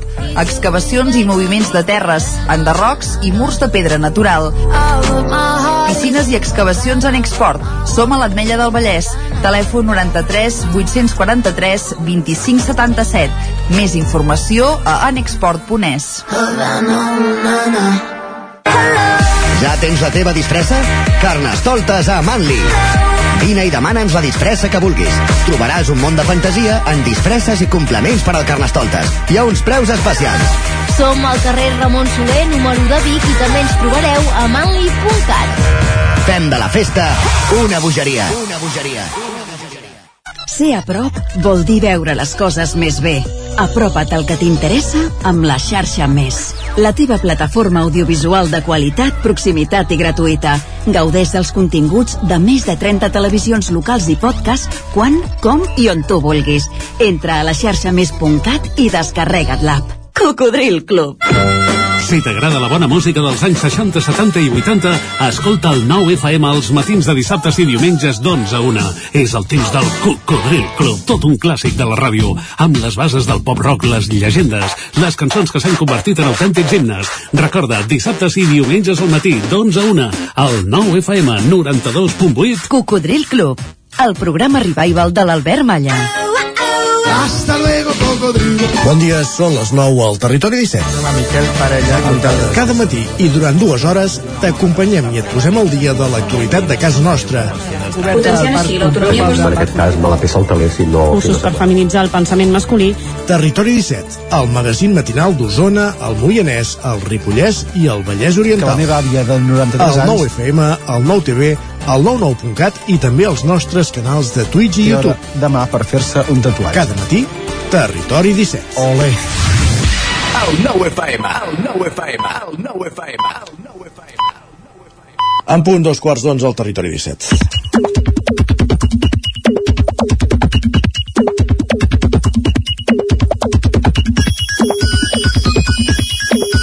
I al territori 17 és l'hora de les piolades, és l'hora Sánchez, és l'hora de saludar en Guillem Sánchez, valgui la redundància. Benvingut, bon dia. Bon dia, què tal? Bé, i tu? Doncs mira, uh, fent ja una mica de recerca de cara a les eleccions municipals. Carai. Vinga, ja sé que queda molt molt això, encara, eh? ja sé que queda molt, Ui, ui, ui. però avui he vist, Quina cinc, mandra. avui he vist cinc o sis piolades eh, en aquest àmbit i dic, vinga, va, començarem, començarem per aquí. Va, de situacions com aquestes ens en trobarem un bon munt, com dèiem, fins d'aquí unes setmanes. Llegim a l'Arnau que ens diu no han trepitjat el barri del Remei de Vic en tota la legislatura, només tenen fotos des de la plaça a totes les seves xarxes, però ara s'acosten eleccions i la cua de polítics per fer vídeos des del barri travessa el riu. Jo també em podia afegir un que vaig veure l'altre dia que no ha trepitjat la Universitat en sa vida però també es, es feia fotos davant de la universitat i, i dient que hi apostarà tant sí, sí. Doncs mira, va, i parlant d'eleccions, avui es publiquen les conclusions d'un macroestudi que diu que treballar quatre dies per setmana millora la salut i manté la productivitat, per tant jo m'hi sumo també. En aquest sentit exposen des de Twitter jo us juro que sóc molt conseqüent amb les meves creences polítiques i per tant sàpiga qualsevol partit que es presenti a les eleccions amb una proposta de jornada laboral de quatre dies que tindrà el meu vot. Sí, sí, passa llavors t'ho ha d'aplicar l'empresa. Evidentment. ja pot anar fent. Però bueno, el 2% de la feina ja està, ja està fet, si ve un partit i diu que Sí, presentarà sí. aquesta... Jo diria, jo diria que el 0,00002. 2%. Va, la Marina ens diu arriben eleccions, aquest camió feia molt que no passava per casa. Va, quin, quin camió deu ser, Isaac? Uh, no sé. Camió, eleccions. El de la neteja. Ah.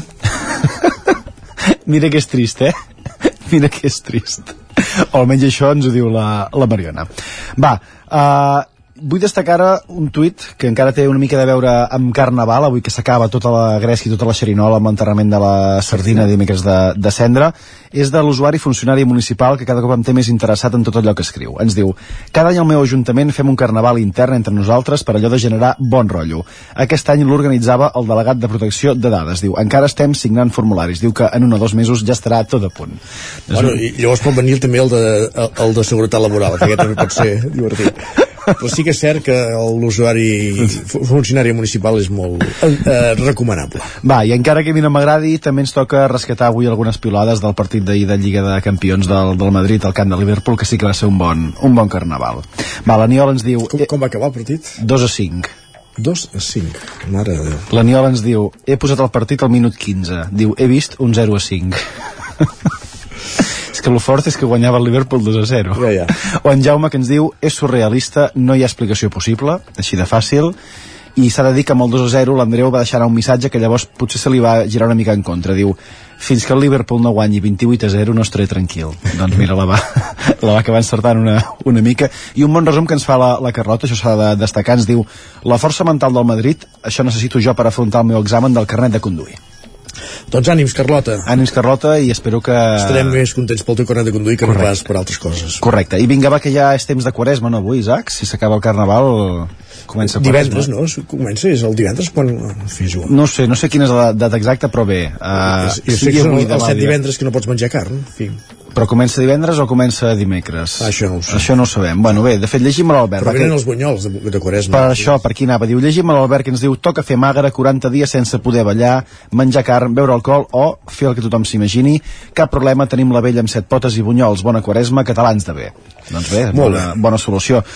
Per això, heu d'anar amb compte, eh, Isaac? Perquè, Ja. com diu la Montserrat, ens diu... Què diu la Montserrat? S'explica que Antoni Gaudí extremava les penitències i els dejunis, sobretot per Quaresma, i que el dejuni de l'any 1894 va estar a punt de causar-li la mort per inanició. Diu, Carai. no feu com ell en aquestes dates. Després va morir atropellat, pobre home. Correcte. Més correcte. coses. Va, i un altre usuari que ho té ben i ben clar que ens diu el que més m'agrada del Carnaval és el que ve després, diu els bunyols de Quaresma. També. Alguna especialitat en concret? Jo som molt... La crema a mi... Em, em, em, estic fatal avui, no em surten les paraules, eh? Ets molt de crema, vaja. Sí, som molt de crema. Tu no? És que hi ha molta competència. Ah, hi ha sí? una competència ferotge, també. Sí, sí. Va, i també ens diuen per acabar avui ni és per... la meva debilitat, la crema, Naldi. Perdó, és que ja veieu que estic fatal. Què més, va? Ens diuen ni per cap d'any ni pel setembre. Els propòsits d'any comencen avui. Bona entrada a la quaresma. Bona entrada a la Quaresma. Que tothom es proposi fer bones coses i menjar molts i molts bunyols, que és el principal. Gràcies, Guillem. Fins demà. Va, que vagi molt bé. Adéu. Territori 17, el 9 FM, la veu de Sant Joan, Ona Codinenca, Ràdio Cardedeu, Territori 17.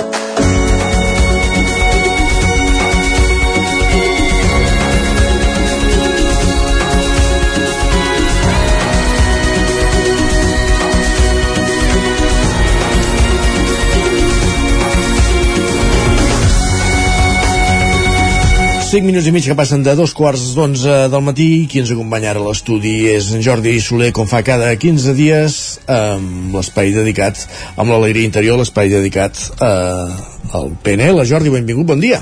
Molt bon dia, i efectivament avui parlarem de PNL. Veus? Eh, de programació neurolingüística. Un tema que el anem recuperant, eh, de tant en tant, perquè crec que és important. Els nivells neurològics. Carai. Nivells neurològics... Està, estan per terra després del carnaval. El Robert Dills, a mitjans del, dels 80, va organitzar, va endreçar una mica això que nosaltres, les persones, des de la perspectiva psicològica, ens organitzem els pensaments, la, la forma d'entendre les coses amb, jerar amb una, a través d'una jerarquia, eh? diferents nivells, els nivells neurològics del Robert Dills. Vegem, qualsevol situació que vulguem arreglar, qualsevol situació que requereixi un treball eh, o que hi hagi un interès en, en millorar, en arreglar, pot ser fins i tot un, un projecte que no acaba de rotllar, una relació amb una persona que no acaba d'anar prou fina. Eh? Tots aquests aspectes que a vegades eh, grinyolen una mica i que en prenem consciència que decidim fer aquest treball, eh, fer aquest recorregut de la situació en la que estem, que no ens agrada, una situació millor, doncs abordar-ho des del model dels nivells neurològics ens pot ajudar eh? És, mirar-ho des de diferents punts de vista fins i tot si es fa un treball eh, acompanyat d'un coach eh, es juga molt amb, amb la part geoespacial eh? en diferents posicions que en cada una d'aquestes posicions representa un nivell un punt de vista diferent eh? d'aquella situació imaginem un negoci que no rutlla eh? posant, posant pel cas per, per posar un exemple Uh, podríem començar per al nivell més bàsic, que és l'entorn, és l'ambient, és el lloc, és el amb, amb qui i sí. el quan s'està duent a terme uh, doncs, uh, aquest projecte. Eh? Ens fem aquestes preguntes, a on, en qui, quan. Si la resposta encaixa, dic, mira, aquest negoci l'estic fent en el lloc adequat, amb les persones adequades, en el moment adequat, vull dir que això veig que sí, vull dir que, que ho tinc ben situat, no obstant això mm, el negoci no funciona, no acaba de ser el que jo em pensava, però sí que reuneix una mica aquestes condicions no? vull dir que si eh, venc un producte en un lloc inadequat en un moment inadequat, és lògic que això no funcioni però si això es compleix haig de pujar un graó més eh? llavors el segon graó aquest, eh, en aquesta escala de, de nivells és la conducta, el que fem què estic fent no? Vull dir que el lloc sabem que és l'adequat, el que s'està duent a terme, la nostra conducta, l'acció que estem duent a terme, és l'adequada, vull dir que estic fent les coses correctament des del meu punt de vista, evidentment, eh? Vull dir que un assessor extern ens pot dir, mira, això ho has de canviar, però nosaltres mateixos, si fem aquesta parada, aquesta presa de consciència, ens fem aquesta pregunta, igual ja trobem respostes, eh? Potser ja detectem que hi ha quelcom que no acaba de rotllar que, del que estem fent, eh? Vull dir que no estem fent les coses de la forma més adequada. En cada nivell, quan ens fem la pregunta, quan fem aquest, aquesta presa de consciència, podem destapar coses, podem descobrir coses. Imaginem que sí, que estem fent eh, el que toca, eh? la nostra conducta és l'adequada, en el lloc adequat, pugem un grau més eh? és el grau de les capacitats eh, el, com faig les coses estic preparat per fer-ho tinc l'experiència tinc tots els recursos necessaris per dur a terme doncs, a, aquest projecte sí doncs, al fins d'aquesta pregunta igual aquí també detectem cosetes, que no, ens falta formació, ens falten recursos, ens falta maquinària, ens falta el, el que sigui, no? Llavors aquí cal parar, corregir eh? i en tot cas tornar a començar el recorregut i tornar a fer l'anàlisi imaginem que tenim les capacitats eh? estem en el lloc adequat, estem fent les accions correctes i tenim totes les capacitats per dur-ho a terme. I no obstant això no ens rutlla el negoci no? pugem un grau més. És el grau de les creences. Realment em crec el que estic fent? Crec que això pot funcionar, no estic convençut? Per què ho estic fent?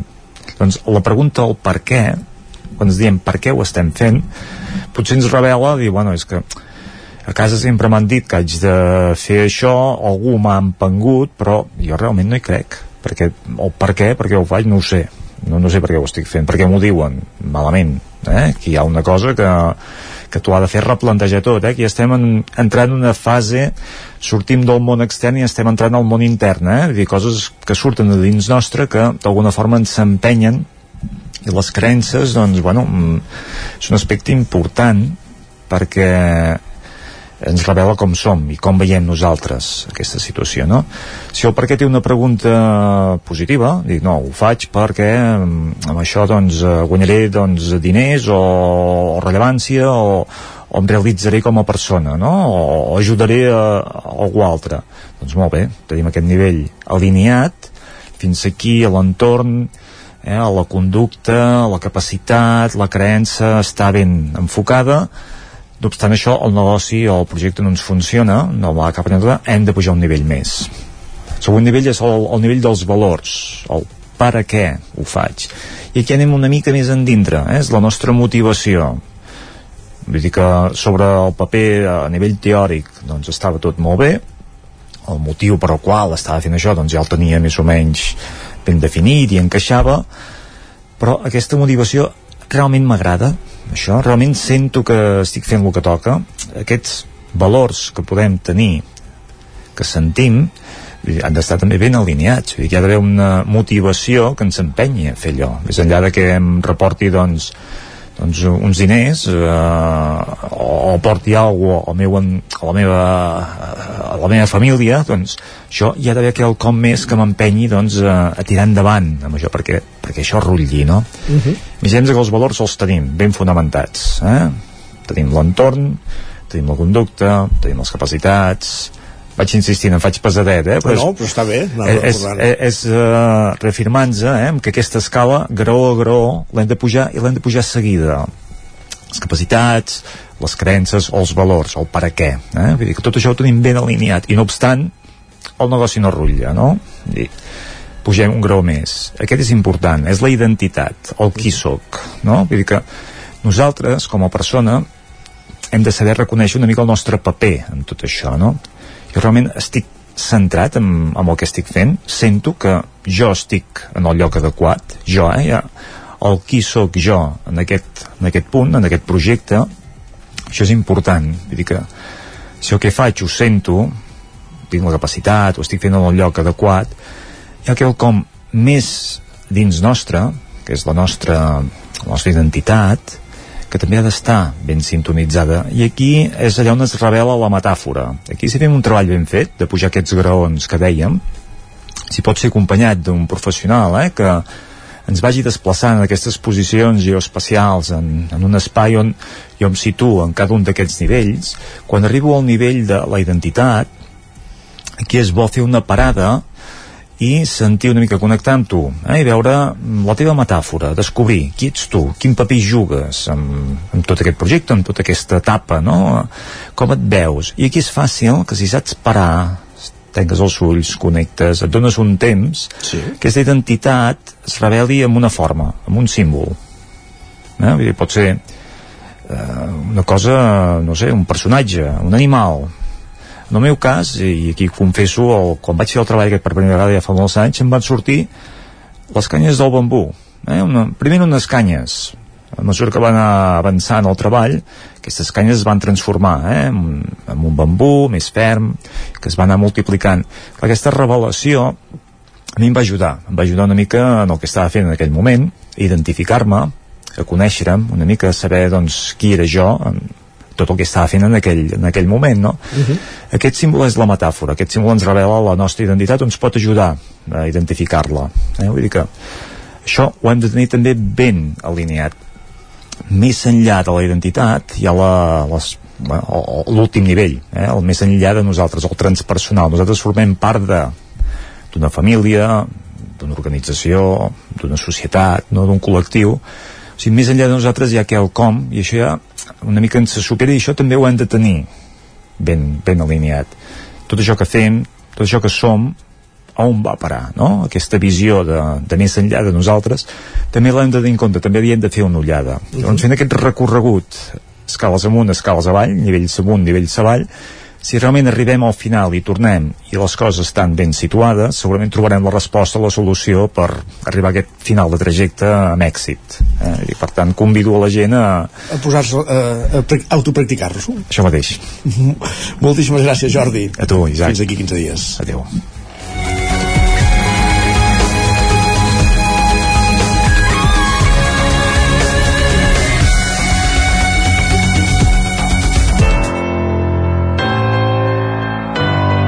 Territori, Territori 17. 17. Territori 17.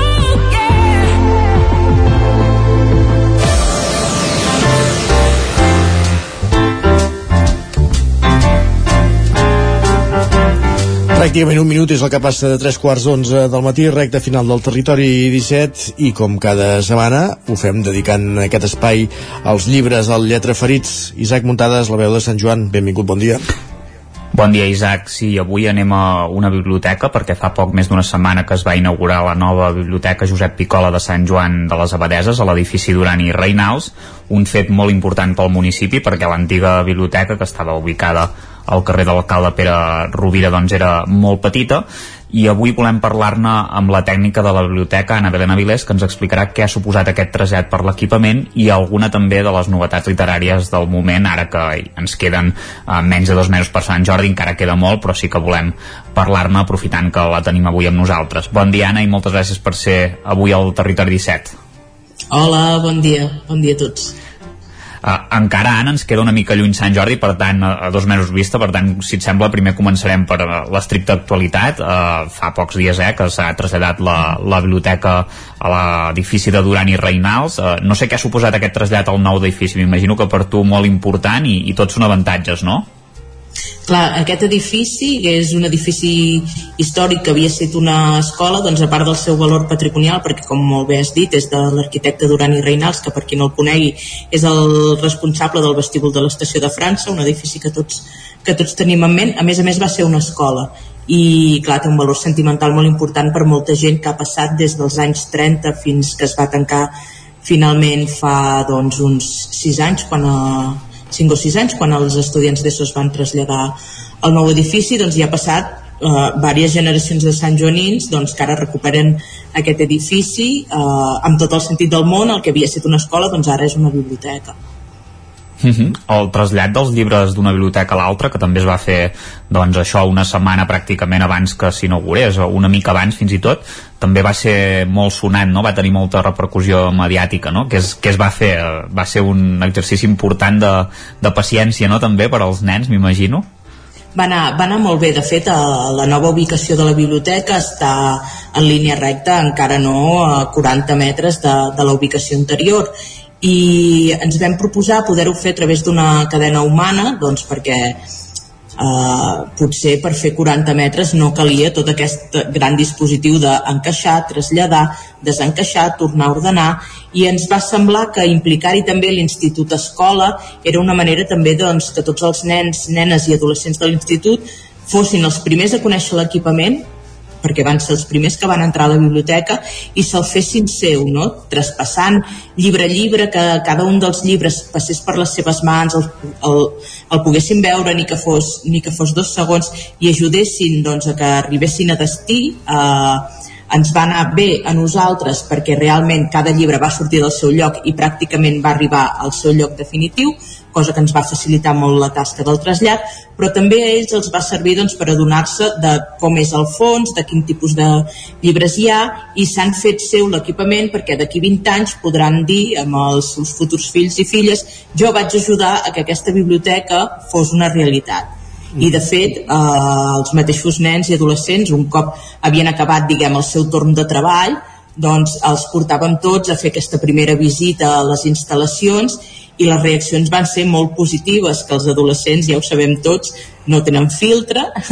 I veure la reacció tan bona que van tenir de veure aquest equipament Uh, la intenció ja des d'abans que estigués obert de venir a utilitzar-lo, de venir a treballar, a fer treballs en grups, a connectar-se al wifi, uh, la desconeixença que tenien del tipus de llibres que tenien doncs, la bona rebuda que li van donar ens van indicar que realment havíem, anàvem per molt bon camí.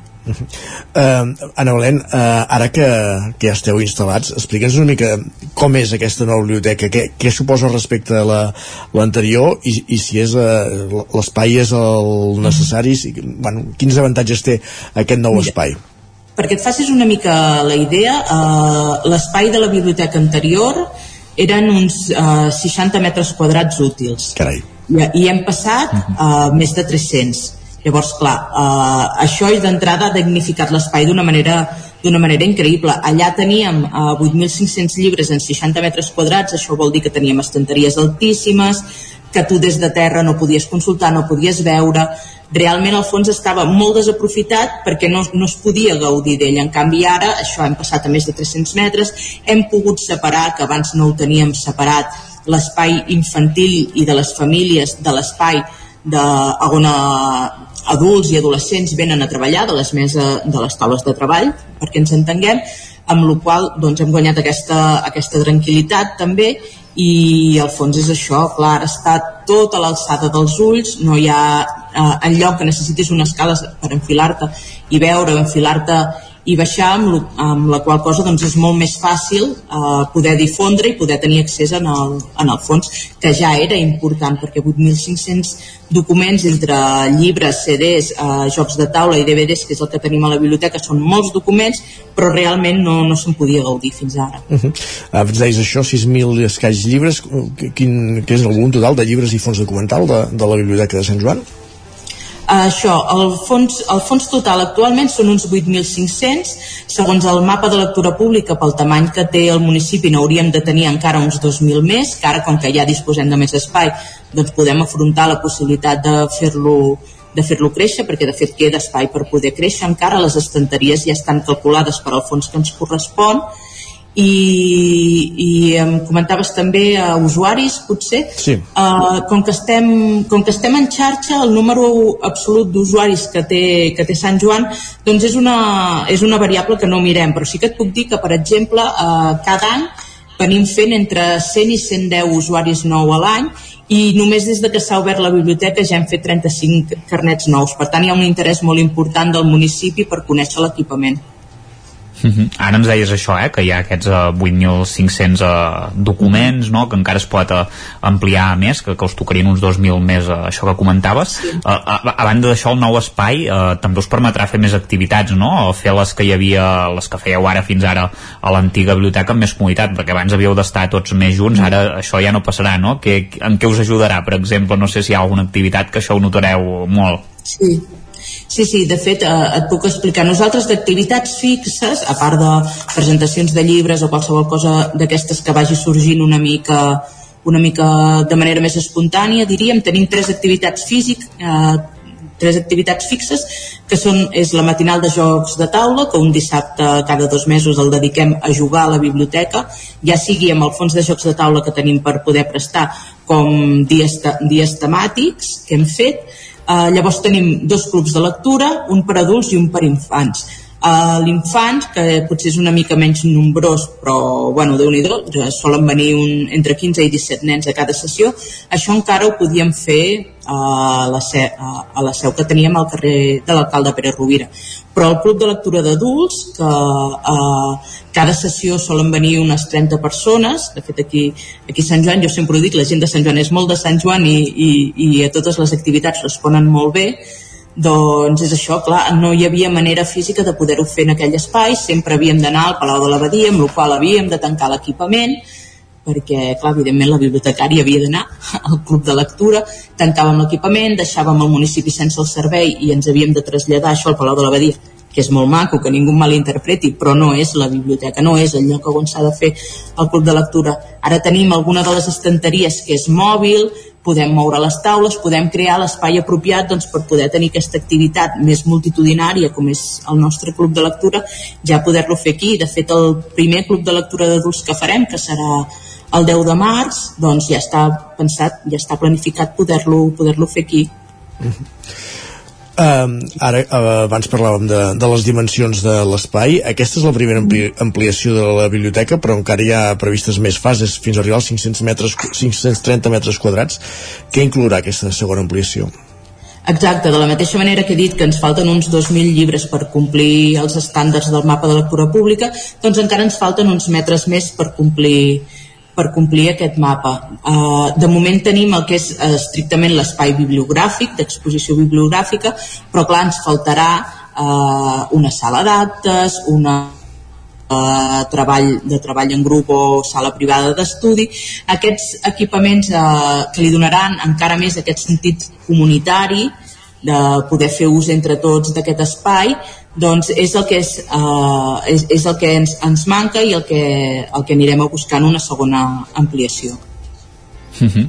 Encara ens queden dos minuts, però per acabar, Anna, explicar una mica alguna, alguna recomanació per, per Sant Jordi. Ja queden uh, dos mesos, pràcticament. Mm. Uh, demà quedaran dos mesos. No sé si ens pot fer alguna recomanació literària.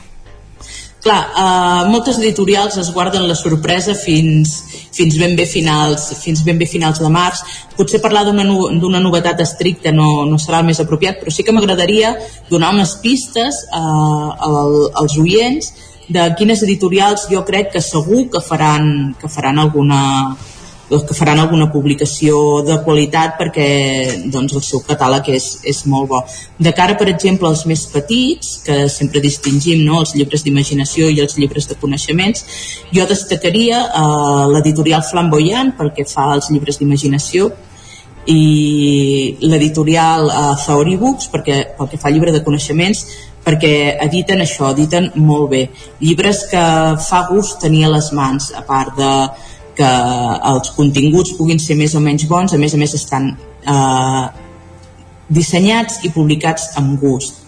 Llavors, de cara, de cara a un públic potser més jove, eh, podíem parlar de la col·lecció El Jardí Secret de l'editorial Viena, que de fet de l'editorial Viena us en tornaré a parlar ens en tornaré a parlar després, que això publica per a joves de posem de 11 fins als 14, 14-15 anys més o menys i el que fan és eh, publiquen clàssics de la, de la literatura infantil eh, que, no, que difícilment es troben en català actualment. Llavors eh, aquesta és una de les línies editorials més importants de Viena que és agafar llibres clàssics que difícilment es troben en català tornar-los a traduir traduir-los de nou amb un llenguatge molt més actual i posar-los a l'abast del públic en edicions també, com dèiem, molt cuidades, amb, amb tapes eh, gruixudes, amb il·lustracions doncs també de, fetes de nou i molt ben actualitzades.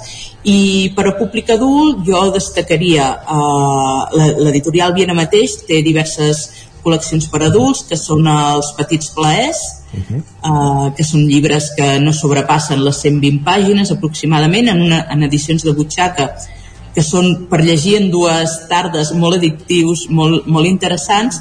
Uh, el Cercle de Viena que són llibres d'autors contemporanis però que mai han estat traduïts al català.